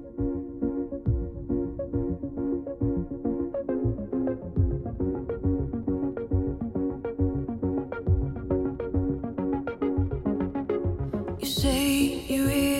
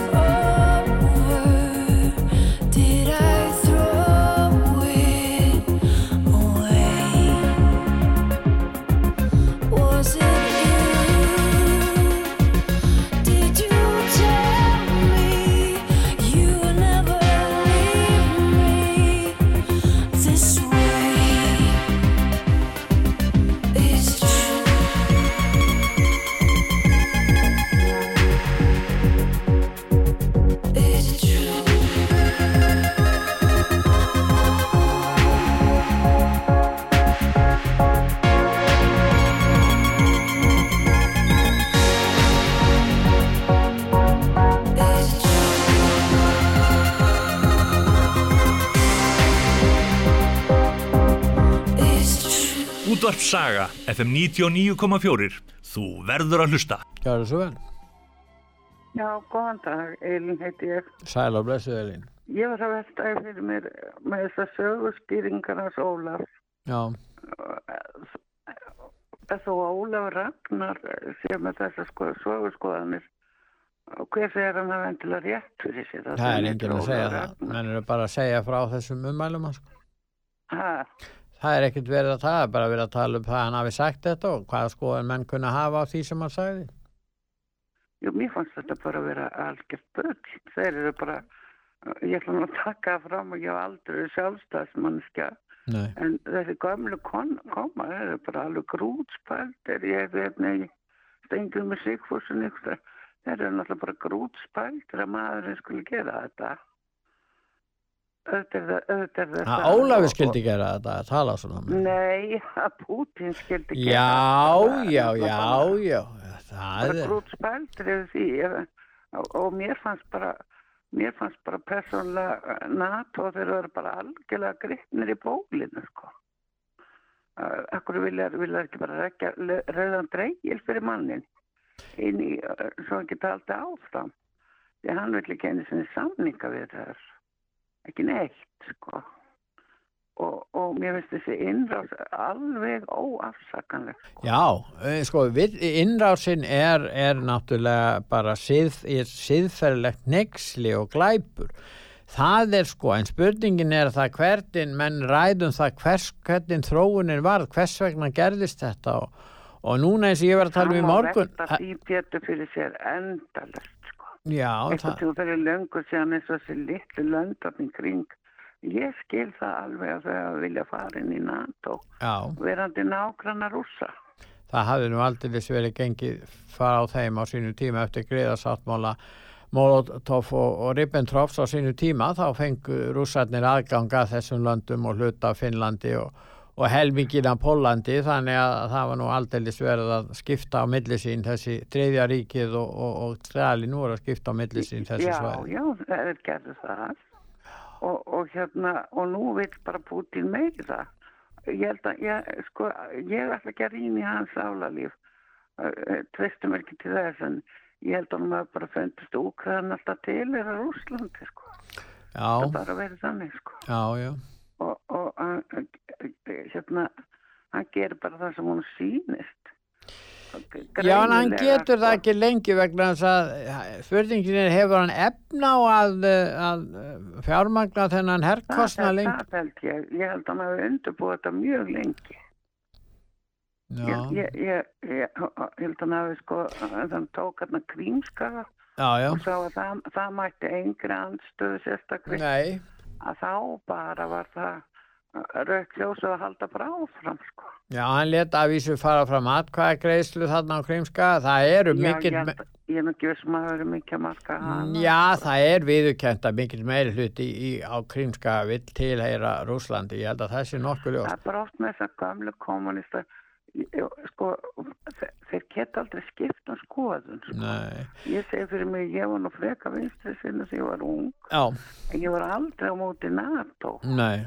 ég var aldrei neitt að og ég man eftir að ég átti heima þarna rétt hjá þessum að keflaug og gangan fór alltaf og það var hann Ólafur alltaf fremstur í flokki og. Svafa Gesson og þessir og, og hérna og það er alveg í lagi að skipta um skoðun sko. Já, en, en er ekki eitt sem í þessu sem menn tala lítið um? Sko, það var ákveð uppgjör sem var 1945 eftir fall þriðja ríkisins. En eftir fall Sovjetríkana 1991, þá fór ekki fram neitt uppgjör um glæpaverk Stalins og kommunista. Ég meina, Nei, nei, það fór aldrei fram neitt uppgjör og eins í Kína, þar hefur aldrei farið fram neitt uppgjör um, sko meðferð eh, Mao Tse-tung á, á, á þjóðinu og hvernig hvað Nei, það, hefur aldrei farið fram neitt uppgjör þannig að hva- þessir kommunistar í þessu löndum, þeir hafa auðvitað litið svo, það verður auðvitað að hafa það í huga kommunistaflokkurinn er nokkuð öflugur í, í, í Rúslandi, Tjúkov heitir hann sem að stýri því og þessir Já. aðilar hafa aldrei viðurkæmt að kommunistar hafi gert neitt af sér út af fyrir sig þannig að, að þetta uppgjör hefur ekki átt sér stað. Það er líka annað sem ég finnst aðteglisvert í sambandi við þetta mál að því var haldið fram þegar að Trump var kjörinn að hann væri sérstakur útsendar eða vinnur uh, Pútins og að það væri ekki hægt að treysta Trump fyrir því að, að, að verjast hugsalegum árásum frá Pútin. Það sem er aðtiklisvert er ef þetta er rétt að, að Trump hafi nú verið undirsáta eða einhvers konar undirlæga uh, hérna Pútins. Akkur í óskupunum reyðst ekki þá Pútin inn í uh, Úkrænu með að í stjórnatíð Trumps þegar hann var þar í fjögur ár. Já, Akkur nú beigð hann veit- eftir nú- því að bæta. Nei, ég svolítið, ég bara varpa þessu fram. Þetta er svolítið Ég- merkilegt að hann byrjar á því núna að ráðast inn eftir að Biden tekur við, eftir að, sérstaklega eftir uppgjörið þarna í Afganistan. Þannig að, að auðvitað hefði hann síður farið inn ef hann hefði verið hrættur við það hvað kaninn hu- hefði hugsalega geta gert. Hann, Ég býst við því, ég býst við því, já, ég býst við því að þetta er náttúrulega bara alveg að hörmunga skuli vera komið stríð svona í Evrópa aftur sko. já, Og hvað á, hvað á að gera ef það á ekki að beita viðskiptarvingunum? Á bara að bjóða hann alveg velkomin. nei. Ég bara skil þetta ekki alveg. En hvað finnst þér? Akkur var ekki búið að, að, að senda mm, varnar, eða herbúna fyrr til Úkrænu ef að Vesturlandin trúðu því og Ég held bara að þeir hafi verið greipnir í bólinu. Ég heldur hafi haldið að myndi aldrei láta verða að þessu. Þeir sagðu það að Possiti Biden var búin að halda þessu fram í fjóra-fimm mánuði. Já, ég, ég held samt að hann hafi ekki alveg uh, búist við þessu. Ég sá þarna Stoltenberg þarna fyrst að þetta skeiði, hann var bara alveg rosalega undrandi. Já, já. Þannig ég heldur að það hafi bara verið greipnir í bólinu. En nú er tvent til, annarkvort heldur þetta áfram bara og þar til að, já, Guð má vita hvernig þetta endar þannig eða þá verða, verður gengið til samninga og það verðist nú ekki mikla líkur á því í augnablikinu að það verður Nei, gengið hann til er ekki samningafús maður, Putin. Þú rættur að við, hérna, ég ætla ekki að fara að grubla í rúsleskri þjóðarsálan. Stengrim var eitthvað að tala um það að það er að skilja rúsneska þjóðarsál. Og þeir eru náttúrulega, sko svona eldri rússar, þeir eru náttúrulega alveg óbóðslega þjóðarni sinnar. Og þeim finnst þetta bara allt í lagi, sko. Já, Held ég, að þeim finnst þetta bara allt í lagi. Að, hérna e, þe- þetta, þe- þetta fólk það þekkir ekki neitt frelsi. Það hefur aldrei kynst í En, en miða við það, hefði þá ekki verið, fyrsta, fyrsta verið að vísa einhverja fræðumenn og Ólafur Ragnar að því, hefði ekki Vesturland átt að gera sér grein fyrir þessari rústensku þjóðarsál og reyna þá að, að vera ekki að, að, sko, að vekja upp uh, já, svona sterk viðbröð á hálfu rússa með því að færa Ég- svona ekki- áhrifasvæði í ekki- NATO. ekki, ekki, ekki að öðra kannski þessum manni svona mikið Já, til dæmis. Til dæmis. því að hann er mjög rosalega harskettur maður hann, hann er það ég hef alltaf alltaf fundist hann hættulega alveg bara. En, mér, en ég ætla nú bara að tjá mig um þetta að þá Ólafur Ragnar segi eitthvað svona eitthvað sem skeri fyrir löngu síðan að þá er nú ekki víst að það gildi í dag. Nei, já, Nei. hann er kannski að koma með skýringar af því hvernig, sko, nú erum við með stríð í miður Evrópu og NATO kom, kom ekki vekk fyrir þetta stríð, Nei, nei, segja. Þeir gerðu það ekki. Það er bara, og, og, og, og það það er að þeir eru rættur um að komast að þriðja heimstyrildinu, það er ekkert annað. Já, já. Og, maður er bara svo rættur um að þetta haldi áfram. sko, En, en þarna tökum annað dæmi, Elín. saman. Ef að Árum það verður ráðist inn í Finnland, ef ef Putin réðist inn í Finnland, hvað myndi gerast þá? Já, það er nú það. Það er stóra spurning. Ef hann réðist inn í, í Svíþjóð, sem hann gerir ábyggilega ekki, en, en, en, en ef hann gerði það, hvað myndi NATO gera þá? Við veitum það ekki. Þetta eru hlutlaus ríki eins og Úkræna. Já, við bara vitum ekki hvað NATO myndi gera. Eða Moldaví, eða Moldá, eða Moldaví, það, hva, hva, það er nú ekki fjölmenn þjóð, þessi ekki þrjár miljónir, með lítinn her, þeir gætu ráðast þar inn, það er hlutlaust land, það er ekki, það land er ekki í allarsbandalæginu. Það er ekkert gert ef að þeir reyðust inn inn í það land. Nei, þeir myndi ekkert gera það, sko. Nei. Ekki neitt. Nei. Þeir er ekkert, en finnar, ég held að finnar hafa aldrei alveg að þóra að fara inn í NATO til að vera ekki að öðra þeim sko. Já, það er einmitt. alveg við nefið á þeim sko Já, að hérna mér finnst þetta bara svo ókulegt að því ég svo þetta myndi haldi bara áfram árum og árum saman stóra spurningin er núna muni kynverjar styðja rússana í þessu Úkrænu stríði.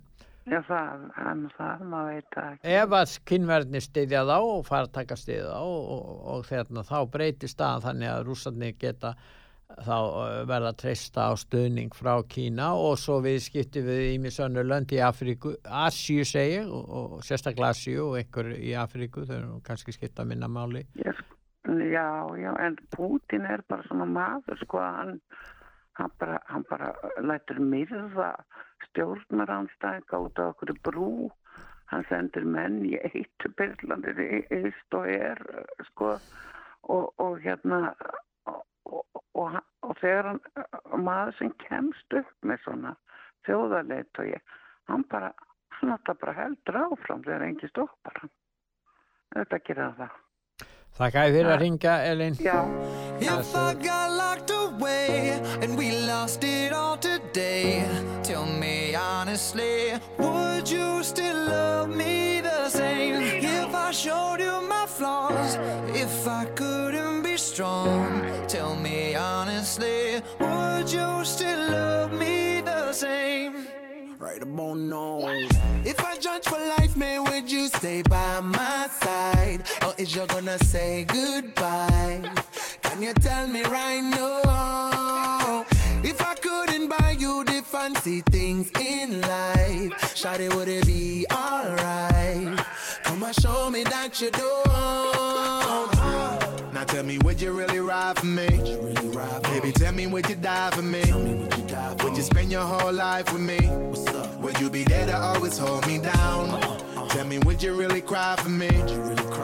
Baby, don't lie to me. If I didn't have anything, I wanna know, would you stick around?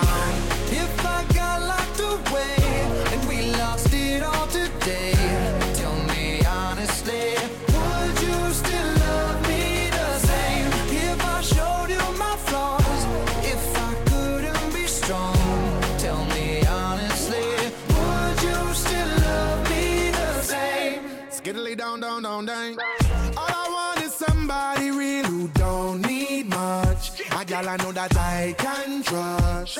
To be here when money low. If I did not have nothing else to give but love, would that even be enough? Y'all me need for know. Now tell me, would you really ride for me? Baby, tell me, would you die for me?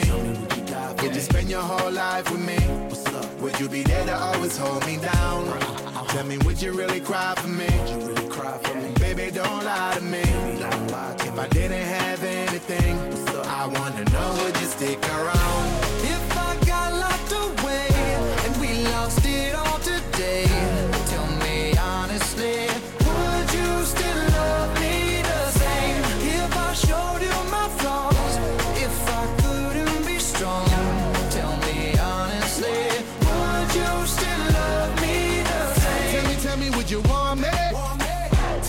me, would you call me? If you knew I wasn't ballin'. Cause I need a girl who's always by my side. Tell me, tell me, do you need me? Tell me, tell me, do you love me? Yeah. Or is you just trying to play me? Cause I need a girl to hold me down for life. If I got locked away and we lost it all today, me honestly, would you still love me the same? If I showed you my flaws, if I couldn't be strong, tell me honestly, would you still love me the same?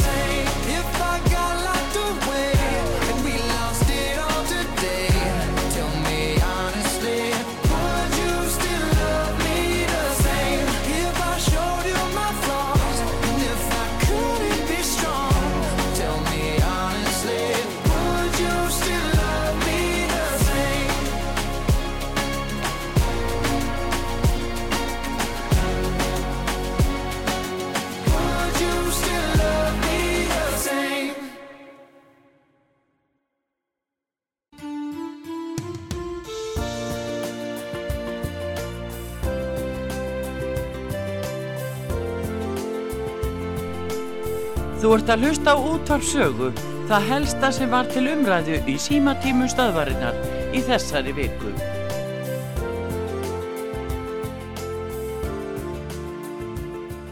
Gjörðu svo vel, hvað heitir þú? Já, góða daginn, ég er búin að hlusta á þetta alveg lengi Já, gjörðu svo í vel. símana. Gjörðu Já, svo vel. takk. Heyrðu, Jón heiti ég. Sæll, já. Þannig að það hefur verið að tala um Úgrinníu og, og þetta stríð Já. og uh, ég hef verið að móti því eins og eh, sko það er ekki bara núna, ég er búin að vera það alla, tí, alla, alla, tíman að við skulum vera að loka á Rúsland, loka á og, uh, viðskipti og gera aðskils viðskiptabönn og, og þetta og, og ég hérna og banna Sovjeturíkina að taka þátt í íþróttarleikjum og öðru sko því að þetta Rússlandi, er bara almenningur, Já. Rúsland og hérna sko eh, ég er að móti þessu því að eftir hvað við lokum meira á landi þá minna að upplýsingum kemst á milli land, landana Já, já. og, og fólk, löndun, þetta þarf að leita annað þetta er kannski ekkert merkileg orð þegar ég er að segja, segja þetta þetta er alveg stórmerkilegt að þetta kemur um munni Ólafa Ragnar Grímssonar og einhvern ann- annar ænbjörnamann að þá hlusta allir Mm. en svo er einhver annar segir þetta þá er þetta bara fætt ykkur Já, já. Já, þetta já, var skrítin umræða sko, þetta er haft til skíjana þegar þessi maður segir þetta en sömu orð sem eru sögð kannski einhvern veginn aðeins öðruvísi og kannski með sömu meiningu Mm. það er ekki að hlusta, þetta er bara rugl. Já, hann var nú fórsiti og hann kemur fram þarna í þessum fjölmiðli sem er nú upplúðustu fjölmiðl landsins, það er nú rúf, sem, Já, er eins og menn getur hann haft skoðinu þótt að hafa ekki verið fórstjöldari Það er sjálfsög, ég er alveg. En Já, hérna, og, og orðin sko, það er bara þannig og hérna fær fólk að tjá sig hérna hjá þér Já, og aðrir fjölmiðla sko þau fyrst svo að segja yfir því sem sagt er hérna Nei, en svo þegar þetta kem, kemur úr, úr munni Óla Ragnars og einhver annar einbetamanna þá er þetta stórmerkir að segja þessi maður er að segja mm, já, já. og, og hérna með þetta ólega sko þetta er svona skrítið hugafar hvernig þetta er hérna stundum hérna hjá okkur og, og hérna og ég að segja það hér og nú alveg sama hver hefur sagt það undan mér og hérna að, vera með svona útilokanir á, á, á þjóð eins og Rúsland alveg sama hvað skoðun menn hafa á þjóðin hefur að það á ekki vera með þessu útilokanir því að þá kemst minna af upplýsingum og til fram og tilbaka og þetta verður þá bara verra og verra stríð. Já, það verður bara, meira menn, fa sem- menn fara bara í skotgrafinnar og, Já, og, já, það er Því ekkert meira öðruvísi. sem fólk, ræðir, ræðir saman að þá kemur skilningur og, og, Já, og, og, og hérna eh, tilbaka og, og menn geta oft breytt um hugafar, breytt um skoðun og annað og það gerist ekki nema bara með umræðu. Að þú myndist á umæli Ólafs eh, margt af því sem hann er að segja hefur verið rætt áður og annar meðal hans hér Já, út uppi já. sögu. Og, Já, og margir ymsir, hringt í en ég menna bæði hefur, Já. hefur Haugur Haugsson og fleiri Gústa Skúlason og það hafa fleiri Já. og hér á sögu innringendur ymsir og, og margir gaggrínt það það sem kom þar fram og allt í lagi með það. En Já, það er rétt hjá þér það er ekki fyrir núna að hann segir þetta í Silfri Egils að þá fari menn að rökk þá rökkva menn í kút og, Já, já, það er ekki sama hvaðan orðin koma. Nei, það er Þetta er ógulega einkynlegt, ég hérna sko, uh, uh, það er alveg sama hvað þjóðuð segir, það er ekki hlusta á hana, það kemur það ákveðna menn og þá er hlustað. En það er antiklisvert samt að það freka lítið fjallað um það sem Ólafur sagði. Það, Já, sat, það, já, það er eins og aðri fjölmiðlar sem að, já, það mátti búast við því að það er fjallað mjög mikið um, um umæli hans.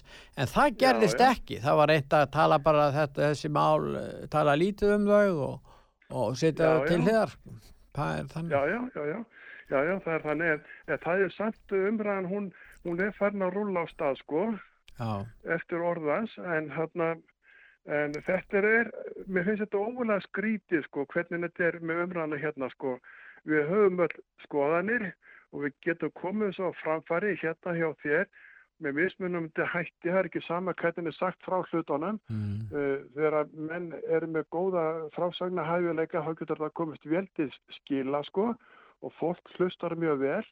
Um, þegar maður sem hefur ekki neina góða sérstaklega frásagnar hæfileika segir þetta frá frá sínum sjónasviði Já. þá kannski segir hann þetta þannig að, að það hittir ekki mark en hérna en svona þetta en um, umræðan er góð ég vil bara benda á þetta að uh, við þykir þetta oft átti skrítið og við eigum ekki útúlaka uh, mál, málefni Við, á sögum munum reyna eftir fremsta megni þegar að koma upp svona eldfið mál. Það eru búið að vera COVID, það er núna þessi innrás, það er svo fjölmörgunu mál að þá Já, já. verður bara umræðu um þetta og það verður mjög umdeilt. Það er sumir sem Já, vilja já. útiloka umræðu, rít, skoð og annað. Þú veist alveg hvernig sumir hugsa já, hérna. já, já, já, já, já. Og, og bara- við erum bara ætlum að, að gera það sem í okkar valdi stættur að komast hjá því og við munum fá ákúru við verðum, það verða aðfinnslur og, og jafnvel árásir fyrir það en það verður bara að hafa það, ég meina trúf, uh, tjáningafrelsi er ekki ókeipis. Nei, það er að halvja þér, það er ekki ókipis og hérna, og ég bara þakkláttur út af þessu að, að, að fólk fara að tjá sig hérna og, og við, ég get til nefnir sagt þessum er ríkissjómarfi og ríkisútarfi, sko, þar fær enginn að tjá sig, þar er allt risk og allt það sem fer það, það er gegn, en þú voru bara að gera að borga fyrir það. Já, já. Það er bara þannig. Og hérna, ég get haft mörg orðið það, en ég ætla nú ekki að, að, að þreita uh, hlustundur hér á á ekki, já, já, það er engin skilda á að borga, menn, mönnum er frjálst að greiða í, í útvarsögu, hérna, ef með vilja, en það er engin Já, já. skildur, enda er útvarpi frjálst útvarp og við erum ekki á ríkistyrkjum eins og þið vitið.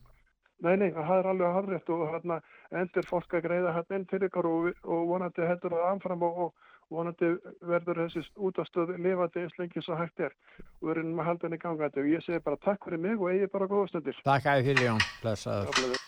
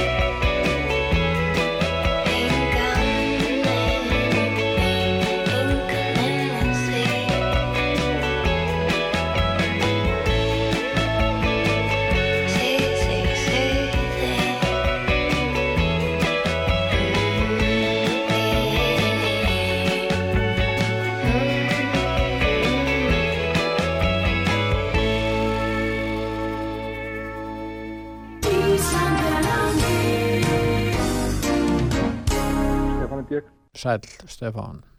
Sæl, heyrðu, það er í sambandið að Nóla Ragnar sem var nú einn á okkar allra bestu fósitum. Já.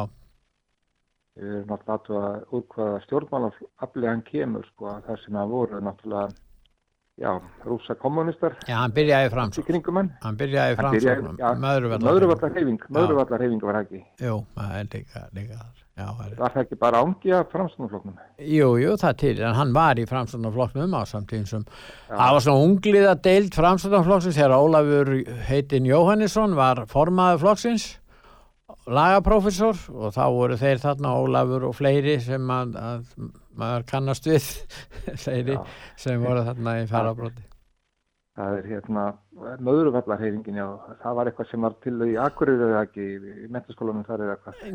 Nei, ég er ekki viss um það að, að hún, hafi verið það Ólafur er úr mentaskólanum í Reykjavík En stúdent, já, já En þarna sem sé var að lengst af þingmaður og ráð þeirra fyrir alltíðbandalegið. Já. Já, já. Hann var formaður alþjóðbandalagsins um tíma, hann Ólafur. Já, já, hann hefur gengt mörgum merkilegum Já, já, hann var... Já, já. En hann er allavega sko, þarna var hann náttúrulega starfandi með fólki sem að veit mjög til gömlu Sovjetiríkjana og er. Og það er náttúrulega fer áfram inn í vinstur græna sjálfsagt uh, mikið af þessu fólki sko, ég menn einhvers það ráða heima. Finnst þér það? Mér finnst þér mitt að sko þegar að þessi hennámsanstæðingar og ég sá nú Ólafur nú sjálfsagt í þessum göngum, keflavíku göngu líka, en þessi hennámsanstæðingar á sínu tíma að þeir, þeir hérna eftir að hérna uh, Sovjetríkin hrundu og, og þeir fóru að taka upp líðræði og svona frjáls markaðsærkeðu að reyna að gera það rúsarnir að þá var engin sérstakur stuðningu við það, þannig að það breytist. Og margir sem voru hennásanstæðingar eða móti því að hafa hér á miðnaseiði, þeir gengur til lýs við alþjóðavæðingun og Evrópusambandi þannig að mér finnst ekki endilega tengsla á myndi þeirra sem að voru hlindir gamla, gamla sovjetinu við innrás rússa núna, ég held að það sé ekki. En er ekki uh, anstæðan við NATO, er hún ekki, er hún nokkur staðar í neinum stjórnmálaflokki sko, nema í vinstur grænum? Nei, hún er ekki eins og það lengur sinns mér ekki sko, vinstir grænir ganga náttúrulega alltaf gegn hérna, vilja kjósenda sinna greinilega sko. Já, fórustan, já, kannski Forystan. Já. Ég meina, talandi dæmi um þetta, ég meina meiri hluti er það ekki núna samkvæmt skoðanakonum stuðnis fólks vinstur grænna Já. vil eru ekki á móti að NATO. Nei, það er sannlega rétt, já. En fórustan er á móti NATO og hlustar ekki á sína kjósendur. Og uh, það kemur líka í ljósi skoðanakonunum að grænna er ekki hrifnir af þessu samstarfi í stjórnmálum að þeir vilja, eða fórustan vil bara starfa með sjálfstæðarflokknum helst og En er ekki fórsitis að það á formaður vinstri vafki vill hann hún eða sérst að hún vill vera í NATO virðist vera þó hún segist að, segir að sín hreyfing sé ekki hlind aðild að NATO þá er hún á fundi, fundu með þessum fóristumönnum og, og það verður ekki betur séð að hún sé bara algjörlega hlind því að Ísland er í NATO og er varið af uh, þessum, þessari fymtu grein eh, NATO-samningsins og ég sé ekki að, að í raun sko þó hún segi nú hitt. Er Hún skori þá ekki að koma út úr skápnum. Nei, það er, það er rétt hjá þér, það er alveg rétt ekki leið, hún, maður veit ekki hvað, hún stendur í nei, yfirleitt bara það í, er bara að segja það hún stendur bara í annan fótinn og, og, og vinstri og hægri til skipt Já, hún er svona, er, er að leiða þessa ríkistjórn og hún veit að vel að hún getur ekki drifið það staðið upp gegn NATO í þessu máli, hvorki gagvart samstarfsflokkun sínum, ekki gagvart þjóðin og ekki gagvart alþjóða samfélaginu sem hún heimsækjur og vill heimsækja, hún henni líður vel innan um þessa stjórnmálamenn á Vesturlandum, þannig að ég býst ekki við því að það komi neinn anstað af hennar hálfu. En er það ekki orðið þannig í dag að því að við vorum að tala um fransknaflokkin sem var sagður opinn í báða enda, er það Já. ekki vinstri grænir sem eru núna opnastur í báða enda? Jú, þeir eru að verða svona eins og framsvöldnaflokkurinn. Einhver sæði nú á sínu tíma að Íslendinga væru annarkvort kratar eða framsvöldamenn og, og svona og, og það séu þá kratar og framsóknarmenn í sjálfstæðisflokknum og, og við sjáum það Stengrifi Jósefusson sem við líta að hann hafi bara fyrst og fremst verið framsóknarmæður og, og, og svona og það séu kratar og framsóknarmenn í öllum flokkum Ég veit ekki, það hefur nú eitthvað breyst en hérna það má segja Jónas Þór Hipplu sem að stopnaði nú þessa flokka á sínum tíma hafi haft verulega áhrif á framvindu stjórnmálan á Íslandi. Já, og hann var talin geðveikur, blessaða kallinn. Já, það var nú einhverju anstæðingar hann sem voru að bera það á hann en, en hann var nú ekki, var nú ekki talin vera það. Var, ekki, var hann ekki eiginlega metin það að... Var, Jú, það var svona pól, pólitísk greining, já. já, sem að kannski, það þekkist nú, þekktist nú í Sovjetríkjónum að ef þú varst harður anstæðingu kerfisins, þá varstu nú álitinn eiga við geðræn vandamál að stríða. Já, er það ekki nákvæmlega sem er skilðar í dag? Menn ef einhver segir eitthvað þá er hann komin Já. í fangelsi. Já, já, já, einmitt, það, það, Það er bara þannig. Já, það er nú svo. En ég ætlaði að spyrja einu, sko, í sambandi við kjörið hjá sjálfstæðsflokkum í, í Reykjavík. Já. Það var hann frambóðið maður sem heitir Viðar Guðjónsson. Já. Spurningin er hvort hann fekk eitthvað atkvæði. E, við, það er ekki við að Guðjónsson eldri, það er Guðjónsson yngri, hann, hann lifja, lifjafræðingur og ég bara veit ekki því þeir byrtu bara lista um 11 þá sem voru í efstu, 11 efstu sætonum. Ég veit ekki hvernig hinn, eh, hvað, eh, hérna, er það ekki þá 10, s- nei, 15 sæti sem að sem er í viðbót, þá voru 26 sem að við frambúði og það er búið að greina frá 11 eftir sætar og þá eftir, ég veit ekki hvort þeir byrta niðurstöðuna um hina. Skiptir ekki máli úr þessu. Já, ég En veit það bara ekki, það er því ekki. Hvort þetta, hvort þetta sé ættgengt hérna að, að fá ekkert fylgi, að ná einhver fram að í flokknum. Ný, ég veit ekki um það, getur verið, ég veit ekki hvort að viðar hafi verið þarna, þá er eimsið sem að þetta voru margir sem tóku þátt í þessu.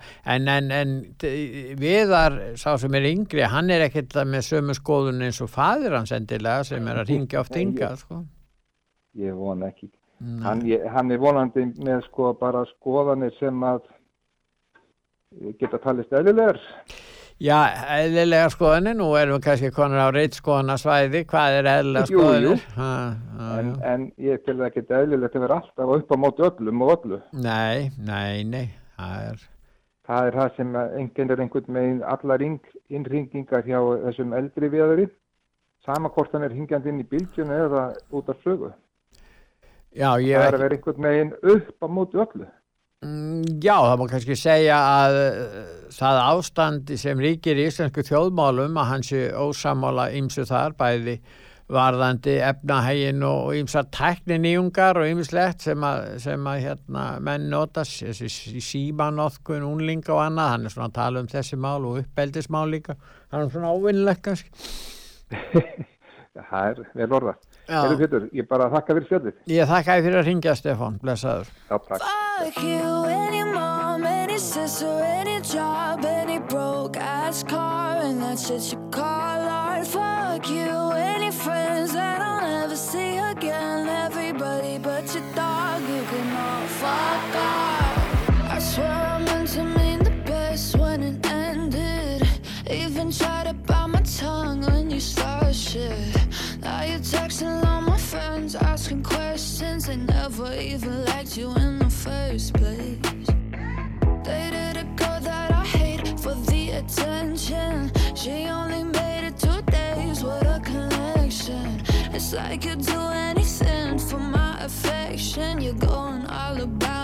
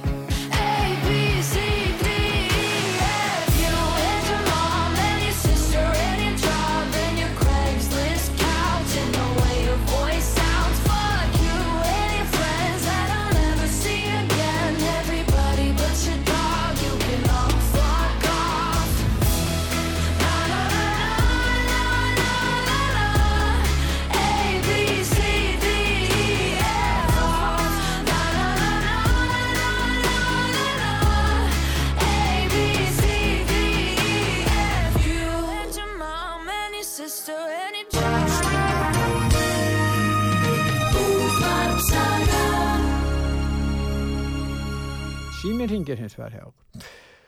Gjörðu svo vel, hvað heitir þú? Ég heiti Guðjón. Sæl, og blessaði Guðjón. Herði, ég er að spekkur þessi, þessi íslensku þjóð sem er nú svona, það er þetta teljinni trúi með heila tóana með smorgur hlutu til dæmis. Það er búið að telja meira takk hluta af þjóðinni trúin það við sem er besta heilbyrðiskerfi í heimi. Já, ert þú, þú sammálað því að það sé? Nei, ég er ekki saman því. Þetta er með því sem við finnum hérna nord norðan í miðbökföldi. Sko, þegar þú fyrir til læknis, þá fyrir í rannsók, blóðrannsók, skímun, skön, skönnun og þetta, þetta. Og læknir hefur alveg samband. Hann segir bara þetta er allt í lagi ef það hægt er, þegar það hægt er að ná jænt, því að það þannig vil tvekja til þryggja bit til að fá við tíma hjá lækni á heilskeslu og þegar þú kemst að þá er þetta bara, þetta er allt í lagi. Þú fær ekki að vita hvað var í lagi og hvað var í ólagi. Þetta er íslenska besta heilbjörnskerfi í heimi. Þarf ekki meira persónlegt samband sjúklings og læknis? Já, það er, verður ekkert saman, þú, þetta er bara heilsugjastastöð, þú veist ekkert hvaða læknið þú færð. Þú bara færð eitthvað læknið sem er tíma eftir tvær eða þrjár vikur. Sem að þekkir þig ekki neitt. Nei, þekkir ekki. Hann sér þig á tölvunni, sér eftir eitthvað á tölvunni, kannski mynd og kannski eitthvað á sögu, en hann nennir þetta ekki að skoða það. En er þetta svo- kerfi ekki svona á Vesturlandum yfirleitt bara? En Það getur vel verið sko, ég get bara miða við kerfi hérna heima sko. Já, þetta er búið að telja fólki trúum að þetta er þessi besta helbjörnskerfi í heimi. Og annað besta helbjörn, annað, annað besta kerfi í heimi sem við höfum og það er fiskverðstjórnarkerfi. Sem, sem að stjórnarmenn segja sé besta í heimi og vekja aðtikli út um allar heim. Það, þetta er eins, svo, þetta er, mér dettur alltaf í hug, ég var nú einsinni með, ég var eins og stjórnand á skipi, skipstjóri, Já. og var statur í sovjaskri höfn og uh, þetta var nú ekki stór bátur, sem 80 metrar langt skip og, og þar stærðu komað þangað, það voru einn botnaður með velbissu við byrja á breikunni, annar aftan endan og hinn og svo þriði yfir landgangin. Já. Þetta var nú bara 11 manna krjú Já. og vennilega þegar koma tveir frá immigration á borð til að taka skipið inn og þá voru þeir og þá sagðu þeir ekki, ég vildi ekki neitt maður talaði ekkert sem að en svo var maður, ég var nú komin nokkuð oft þarna og þá kom en einn um borð annar eða og, og svona spjalla við mig og, og ég spurði hann að þessu ákveður þetta að vera þrjá svona militæri menn með sko með, með hérna massinir í gunn? Og 11 manna krjú og þá sagði hann þetta sko þetta er gert til að koma í veg fyrir að útlendingar flýi inn í Sovjetryggjum Já, hætt að því að maður. já það er bara hægt að því ég spurði hann aðeins sko do you believe it Já. hann kjælt það nú hann kjælt það nú Hann hefur alltaf, þeir sagðu að Sovjetkerfið er besta kerfi í heimi og útlendingar vilja koma til okkar, var það ekki þannig? já, já, það er samkvæmt þessu Já. en sko við erum við, við, ég held að þessi þjóð okkar sem hún sé arfa vittlust að láta þetta og, og sko sko svo byggjum við landsbítala á stað sem ekki nokkuð leið ekki nokkuð leið að koma að stað þegar er mikil trafíkar í bæðin þá var þetta þá var það að hafa þyrlur til að sækja fólkið á, á slistað eða hvað það var. Þetta er, þetta er eiginlega arfa Þú, gleym, arfa gleymdir og að segja, þjóðir náttúrulega jafn vittlust þú gleymdir að segja frá því að við erum með bestu stjórnmálamenn í heimi. Gleymdir ekki að segja. Þú tala ekki það, já, ég þakka fyrir að minna mig á það Já, er, já, já. já, já, við erum þetta besta í heimi. Já, já, en Já, annað já, en ég, ég meina, maður finnst, maður finnst þetta, ég, ég var hlusta á hann valgir af hann og mér fannst þetta bara, að ég get alveg tekið undir það sem hann sagði, hann sagði þetta sem var, sko, þetta er, þetta er hálf ónýtt kerfi, þetta er hálf ónýtt kerfi og hugsaði var kona, viðtal við konu á kastljósinu nokkur dögum. Já. Hún var búin að missa hernina, hún fekk hérna sérstakar ígerð sem kuðnungs ígerð til þess að fá, fá hérna heyrn á eirað Já. Hún er bara annað er því að það er nægðinni þegar fólk eru ko- orðið svona fullorðið Já. og þarf ekki að heyra meira. Hún var orðið svo gömur. Já. En það var búið að, þeir segja þá vandalega, þegar menn er orðið gamli, það var búið að heila þóða svo lengi að það er engin ástæði til að fara að heyra almennilega. Það er ekki heyrst Já, eitthvað sem er ekki nógu. þetta, þessi sjúkratryggingar og þetta kerfi, þetta er alveg handón, þetta er mannvont kerfi. Þetta er mannvont kerfi. En ker- kerfin hjá okkur, uh, til dæmis tökum við annað kerfi, það er grunnskólakerfi. Það er nú verið að kjósa í sveitastjórn núna. Það er grunnskólakerfi á Íslandi. Og nú hafa stjórnmálamenn í sveitastjórnar, eh, hérna, í sveitastjórnum ekki vilja kannski viðkenna, þetta viðkvæmt mál. En jafnframt, Guðjón, það er ekki bara vond kerfi, erfitt kerfi og hefur ekki skila árangri. Við sjáum það að margir nefnendur úr eftir tíu ára nám, þeir kunni ekki að lesa. En hérna, en þetta er dýrasta kerfi í Evrópu líklega. Eða næst dýrasta. Það er alveg dýrt. Ég- svo áfram. Já, ég er að segja það. Þetta er dýrasta kerfið, en skilar ekki. Því sem að dýrakerfið á skila. Þetta er svona eins og músin sem lappar eftir múrhastega, sóli snýst hringin og, og nær aldrei hringin. sko þetta en með skólakerfið er svo þú réttilega nefndir og, og hver, hvað er meiri hlutin af stjórnendum þar? Já, segir þú Er mér. það rétt kynjaskip, kynjaskip? Já, já, já. Ah. Já, Hefur þið tekið til því? já, Já, já, já, já. ég veit Þetta er það. meira konur. Já, já, það er rétt. En það er nú alltaf hægt að kenna konum sérstaklega um þetta. Ég, ég er ekki að segja það, en ég er, að, ég er ekki að segja það, en Nei. þessi kynjaskipting, og, sko, Já. mér finnst þessi kynjaskipting hún verið að fara út úr, úr böndunum. Hverju þarf að ráða aðila í starf, bursja frá því hæfileikum hans, heldur af því að hvernig, hvernig axlunafærinu er það er rétt. Ah, mér finnst þetta að vera galið. Það er ekki, ekki hæfileikandi sem ráða, heldur þetta heldur eitthvað annað sem ræður. En s- jú, það er nefnilega gott þú myndist á þetta því það er ákveðin stefna reikin í grunnskólum. Stefnan heitir eh, skóli án aðgreiningar og það má enginn tala um þetta. Skóli án aðgreiningar felst í því að þeir að sko að nú eru menn geta flestir eða nánast allir lært en það tekur lengri tíma hjá sumum. Það er bara þannig. Og þá að sitja bekkina saman, þeir sem eru fljótir að læra eiga að vera í bekk með því fólki sem eru lengi að læra og þeir sem þurfa jafnvel sérkjenslu og jafnvel útlend, erlend börn sem kunni íslensku. Þetta er allt satt, sett í sama bekkin. Og hann heitir skóli á nærgruningar. Þetta náttúrulega hefur vond áru. Þeir sem eru fljótir að læra, leið, þessu fólki leiðist, það, sko, það, þeir, þeir bara venjast í að gera lítið og vera, verða löt. Nú hinn er eiga erfitt með að, að, að fylgjast með eh, fyrir því hvernig hraðin er í hérna varðandi yfirferð á efninu. En af hverju, en þannig er um að ræða jafnamannastefnu sem er út af fyrir sig ágætt að, reka hér jafnamannastefnu en þessi stefna hefur samt og það verður að ræða það, þau áhrif að skóli verður dýr og ekki nógu góður.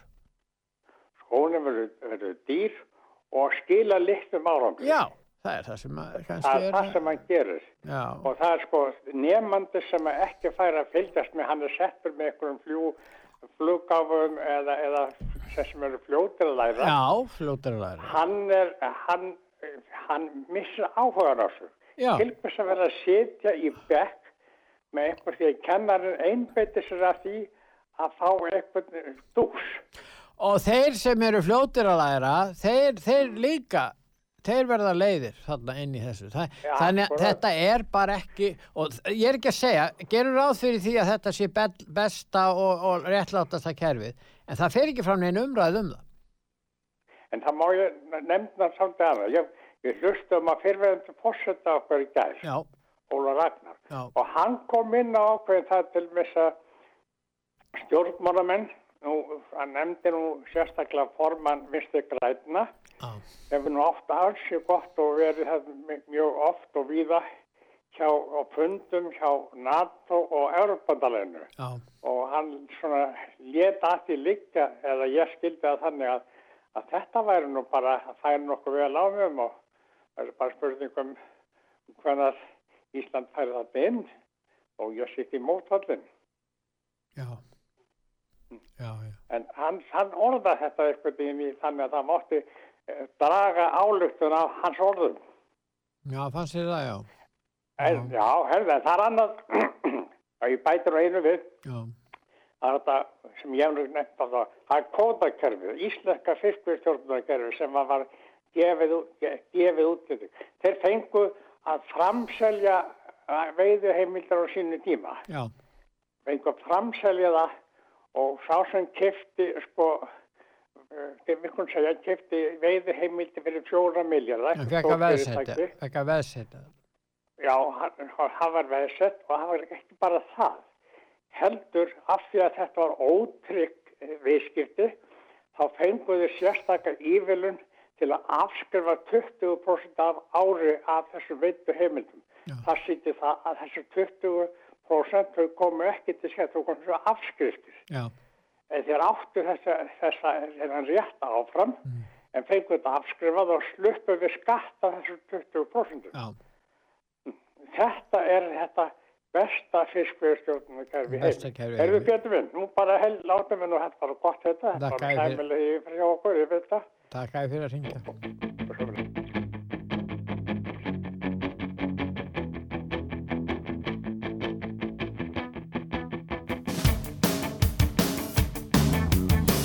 Like she don't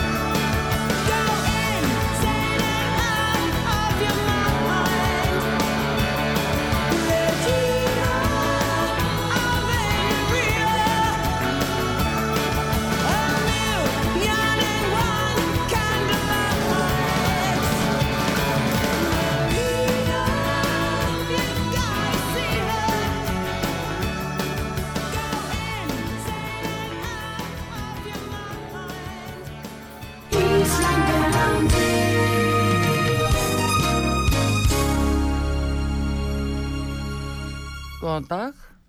Já, góðan daginn. Hver er þetta? Valdimar. Valdimar, hvað segir hann í dag? Bara góður, það er að tala mikið um þetta heilbriðskerfi okkar, sko. Já, Það er leitt með barnið sem lérst þarna. já, Því með þá eru þetta bara mistök sem gerast. En það sem er að meðast Íslendingar alltaf heimti fyrir að gera á heilbriðskerfi. Ég veit ég hef kynnt mér svolítið að svona, heyrst af því til dæmis Kanada, það er svona strjábilt eins og Ísland. já, Og þar þykir ekkert sjálfsagt að, að eins og út í krumma skuðum bara fyrir ekki að með fullri virðingu fyrir fólki sem býr á smæru stöðum á landinu. Það er ekkert hægt að, að sko, við erum að styrkja frekar helsugæslur á starri stöðunum og, og, og síðan á þetta fólk að geta leita að þanga. já, Það er ekkert sjúk, hægt að hafa sjúkrahús á hverjum einasta, á hverju einasta krummaskuð á landinu. nei, Þetta er nei. bara, þetta týrkast ekki hvergi neinstað nema hér. Hér er bara, er svo Ísafjörði. Rísa, ég man ekki hvað það sjúkrahús kostaði. Með fullri virðingu fyrir Ísfjörðingum. Og, og, og þetta er bara smá staður og það á sínu tíma þegar vinstri stjórnir reyðu ríkjum hérna. Já, Þá átt að vera sjúkrahús í hverju einasta, einasta krummaskuð á landinu.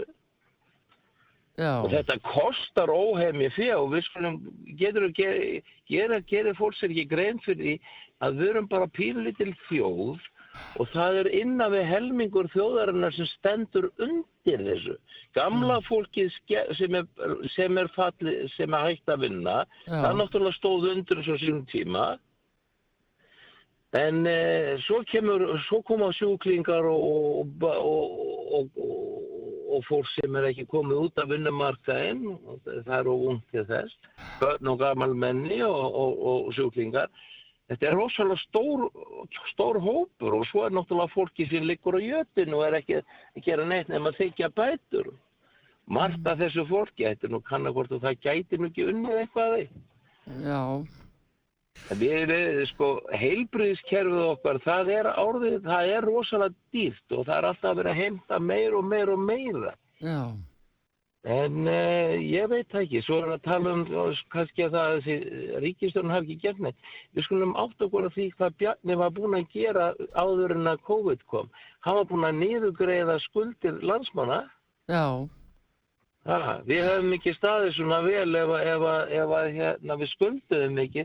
Það er nefnilega það sem þarf að tala svolítið um eins og þegar Reykjavík og borg, ég, ef ég, ég voni ég hef ekki miskilið það að þeir skulda um það byrð þrefald það sem er ríkið skuldar. já, Hve- Hvernig stendur á því? Að borgin skulda meira en allt ríkið, allt Ísland.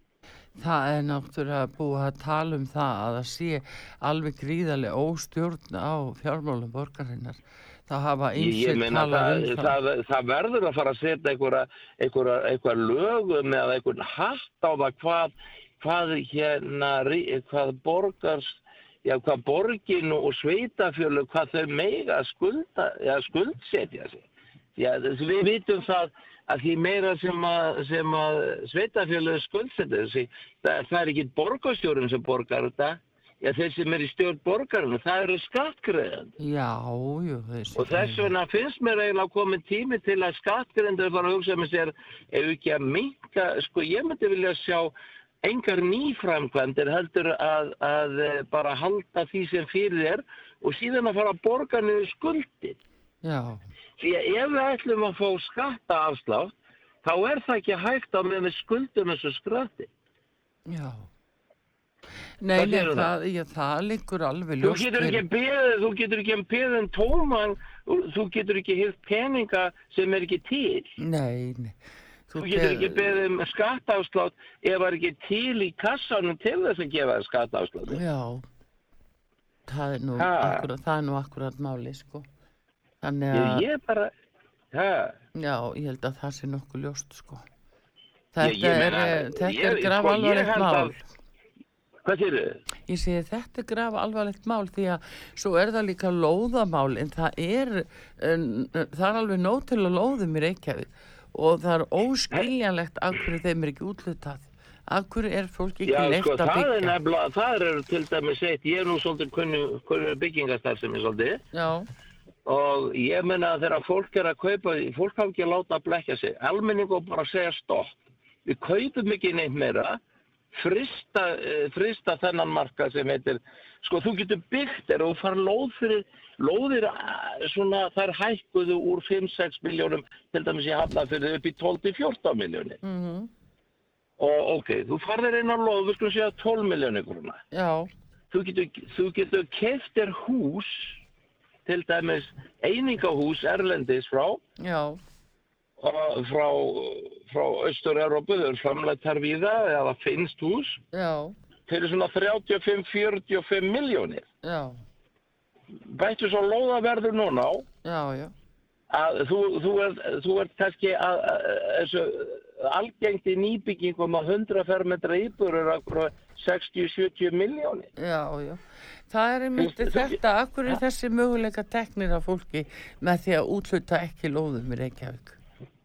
Ég sko það er bara ekki Reykjavík, ég meina ég er verið að hvetja fólk að segja að okkur er að kaupa eh, 100 fermetra uh, íbúð á 60, 70, jafnvel 80 miljónir þegar þú getur byggt fyrir minni pening, bara heilt einbýlishús. Já. Giftið bara einingahús og lóð og, og, og, og meira að segja þau koma tilbúðin bara sett niður á þú veist, þú byggir og, og, og klárar hann og, og plötuna og svo kemur bara eining á húsi og það er sett upp að innan við mánuði. Já.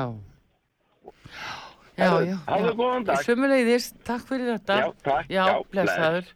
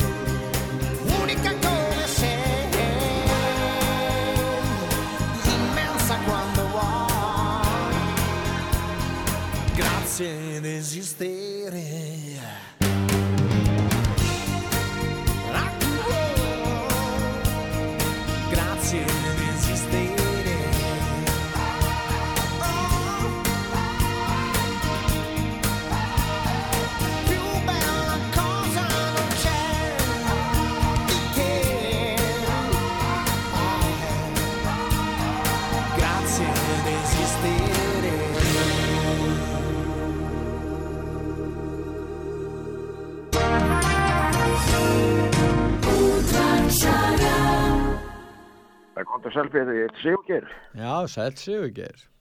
Erðu, ég var nú að lesa hérna á netinu, það er nú megn skýtalíkt að þessu, að þessari sölu. Að hverju þá? Að þínum Já, það er bara topparinn af bankan sem að toppar, Ríkarður Daðarsson sem er giftur Ettu Hermanns hérna, sem er framkvæmstóri hjá bankanum, Ettu Hermanns, dóttir Hermanns hérna eitthvað. Já. Hann, það, er, það, það var bara að vera handvalega mann inn á bankans. Já, það var það. Það er handvalið þegar, að- þegar að Já, innan bankans, já, ég menna starfsmenn, þeir hafa ekkert meiri rétt starfs, skal vera að selja ríkisegur. Og ef, að- bankasíslan lítur þannig á að hún geti valið. Einhverja einstaklinga Mm. umfram aðra, það er ekki að sjá þetta sé bara heila lögbróð þarna á ferðinu. Þess vegna höfum við... ríkis... Þess vegna, akkur var þessi bankasísla sett á laginnar? Manstu eftir því þegar verið var að ákveða hvort að þetta selja hér kreditkortafyrirtæki, borgun, manstu eitthvað eftir því. Málið er það, af hverju er þessi bankasísla þarna? já, sko, það, já, sér láttu það nú vera, en, en, en sjáðu til, sko, ef þetta blasi á ekki að blasa við einasta manni, vissulega var þetta þannig að þegar fyrirtæki eru seld og sko, ef að þetta á að vera þannig að ríki getur handvalið einstaklinga til þess að selja þeim sko, þetta er ekki fagfjárfestar, ég get ekki ímyndað með það, sko, það er, er sérstök lög og fagfjárfesta og, og það, það eru, ef, ef að einstaklingar þú er vinni í bankanum ef að þeir, þeir eru skindilorni fagfjárfestar og, og eru aftur fá Þetta er búin að fá listar. Er komin listi, er komin listi yfir þá sem að kemur? ég, ég var að lesa þetta hérna á leitinu, ég held að segja af markaðnum Já. í ég. Ég, ég man, minni mig sko að, að það eru tiltekni þrýr einstaklingar Mm. og ég held að þetta þeir sé nú bara byrð þetta þeim af ábóði því að sko það, það er ekkit sem að segja það þegar ríki selur eigum sína að það megi handvelja einstaklinga en, en það kannski annað með uh, lífeyrissjóði og, og Já. erlenda sjóði sem að, sem að stýtlast uh, flokkast undir fagfjárst en þegar verið er að handvelja einstaklinga í íslensku þjóðfélagi Þegar er el- elendi fjárfestar skoða svona mál, þá skoða er hagnaðatölur viðkomandi fyrirtækis langt aftur í tíman og þeir sjá að já, af Ísland, býtu við, er- hagnaður á íslenskum borgöngum hefur verið svo mikill að það er gífurlegur áhugi að eigna sluti í bankanum. Þannig þess vegna er Jú, en það hefur ekkert alltaf verið Eftir-. Nei, einmitt það er það réttið að þér, en það er það núna. Það er að- það núna. Já, já, það er í augnablikinu en, en Já, það er í augnablikinu og þá seljum við og nýtum góðsætti. Já, já ég, það er ekki það, Pétur, sem ég er að tala um. Nei, ég veit að þú ert að tala um einn þátt í þessu, það er ég. Ég er að tala um stærsta þáttin bókstallega, sem lögfræðingur að. Æ, býttu við, ég sem lögfræðingur myndi reyna að fá sem mest fyrir Það eignina. stendur stöðum í stjórnarskráni. það megi ekki gefa eigur ríkis, það stendur líka að það megi ekki mismunna þegnum þjóðfélagsi. Það er bara verið að því þarna. Það er náttúrulega ekki verið að gefa, það ekki hægt að orða Ég þannig. það verið, jú, jú, jú. Ekki var nema selt fallist á undir mína markaðsverði. stöðu. að- Það var selt undir markaðsverðin Já. og hagnaður hjá, hjá hérna Ríkarði, hann var já. 2,4 miljónir. Hann kyrti fyrir 49 held ég. Þannig að hagnaður var 2,4 selt undir markaðsverðinu. Mm. Já, ég láti það nú vera það sem verið að gefa, en þetta er mismunum á þegnónum. Og ef að menn eiga að kynkja svona löguðu, svona yfirgangi, það, þetta er bara spillingar bæli þessi bankasýtla. Hún er ekkert annað fyrst hún gerir þetta. Og þegar þetta er ríkis fyrirtæki, hún getur alveg tekið upp á því að selja Ísafía. Eða hún er ekki bankas, eh, bankasýtla, en það það hefur kannski verið stopnað eitthvað, var ekki Lindarholt sem var að selja eigur uh, og annað sem að Sælabankin hafi hýrt mm, og, og, og nú ef að vera kannski seldur hlutur Ísafi og skyndileg eitthvað tiltekni menn innan starfsfólk Ísafi að fá að kaupa en aðrir ekki. En þ- þ- því miður er þetta lögfræðinga þjóðfélag þannig hér að, þeir, þeir, þeir, það er kent ekkert fæla upp í háskóla Nú er það það sem... að Já, menn, menn er þá að fara að leita aðbeina dómstólar en þeir eru ósattu við það, menn gera það bara ekki. Nei, lögfræðingar gera það ekki bara- Nei, lögfræðingar er ekki hlutverk þannig að gera lögfræðinga. þetta. sé akademian og Það þetta sé bara það alltaf og, það þurfa ekki að fara eftir stjórnarskrá og það sköpum hlut Mér finnst þetta, þetta ba- svífur það mér, finnst þetta Ha. bankamál snúast um það að bankarnir hafa verið að þjena alveg ótrúlega mikla peninga. Og það er eftirspurn vegna þess að menn viti ekkert hvað þeir að sitja. Til dæmis bankta norski olíusjóðurinn eða hvað sem við lítum. Þeir vilja finna góða leið til að fjárfesta sína peninga. Og þarna er komin góð leið og, og þess vegna er eftirspurnin mikil og þess vegna er Sko, verið að selja að- þetta undir verði. Að íslenski lífyrirsjóðu þeir hafa haldið uppi verði hlutafröða það er bara þannig, þeir gera það. Og það er ekki gæfulegt þegar svoleiðis svoleiðis er því að og normendi fóru strax þá leið að að það veri einhverju heimilt fyrir ólísjóðin að fjárfesta jærlendu hlutabröðum og þegar, svo, svona er komið og síðan er annað í þessu það er innherja viðskipti þetta er innherja viðskipti. Bankasýtla vissi af þessu öllu saman. Já. og voru þeir kannski að kaupa sjálfur í bankanum ég meina vinir þeirra. en þetta skeði og, og það liggur fyrir að, að starfsmenn eða, eða stjórnaformenn lífeyrissjóða þeir höfnuðist alveg gríðarlega þann tíma sem að þeir voru stjórnaformenn eins og, eins og uh, fórstjóri Torgs eða eigandi Torgs.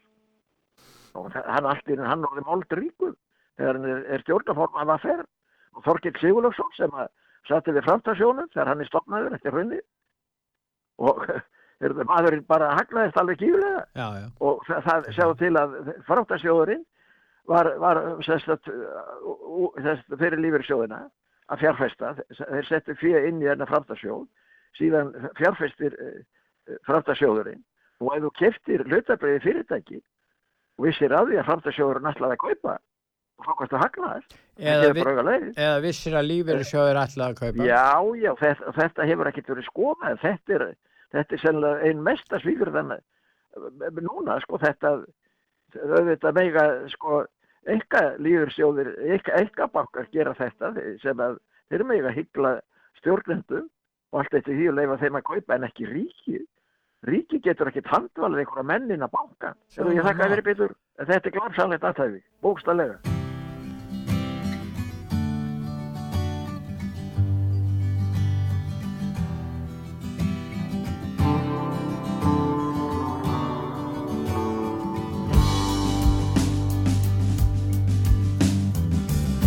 Blue, you have no clue. My dreams are still about you. Building castles in the sand with flowers wrapped around you. Yeah, but I still remember you. Maybe I should stop loving you. If that could ever ring true. Going down that sweet avenue, seeing some shadows of you. Yeah, but do you miss me too? Take me back to the morning light, where our love shone so bright. Where the story brings me back to you, where I can still hold you.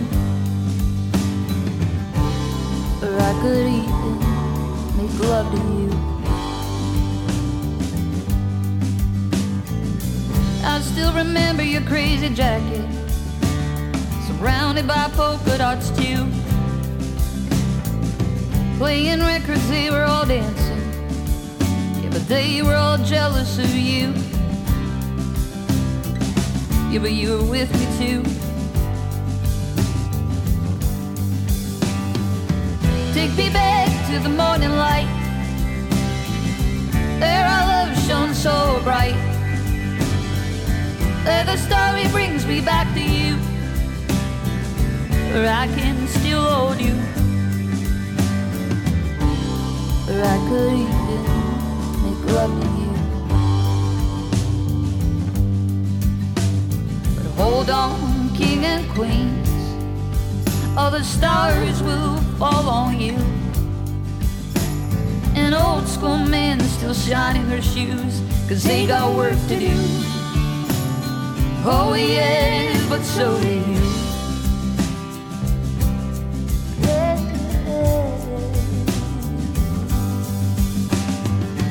Take me back to the morning light Where our love shone so bright Where the story brings me back to you Where I can still hold you. Where I could even make love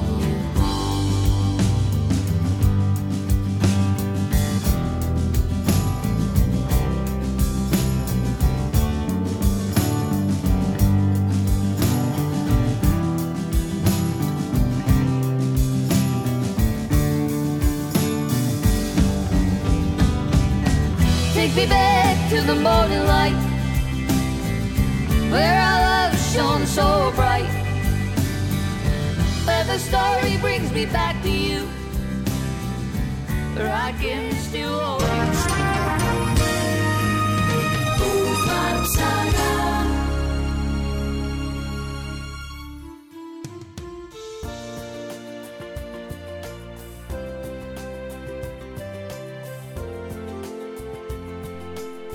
Þú ert að hlusta á útvarp sögu, það helsta sem var til umræðu í símatímum stöðvarinnar í þessari viku.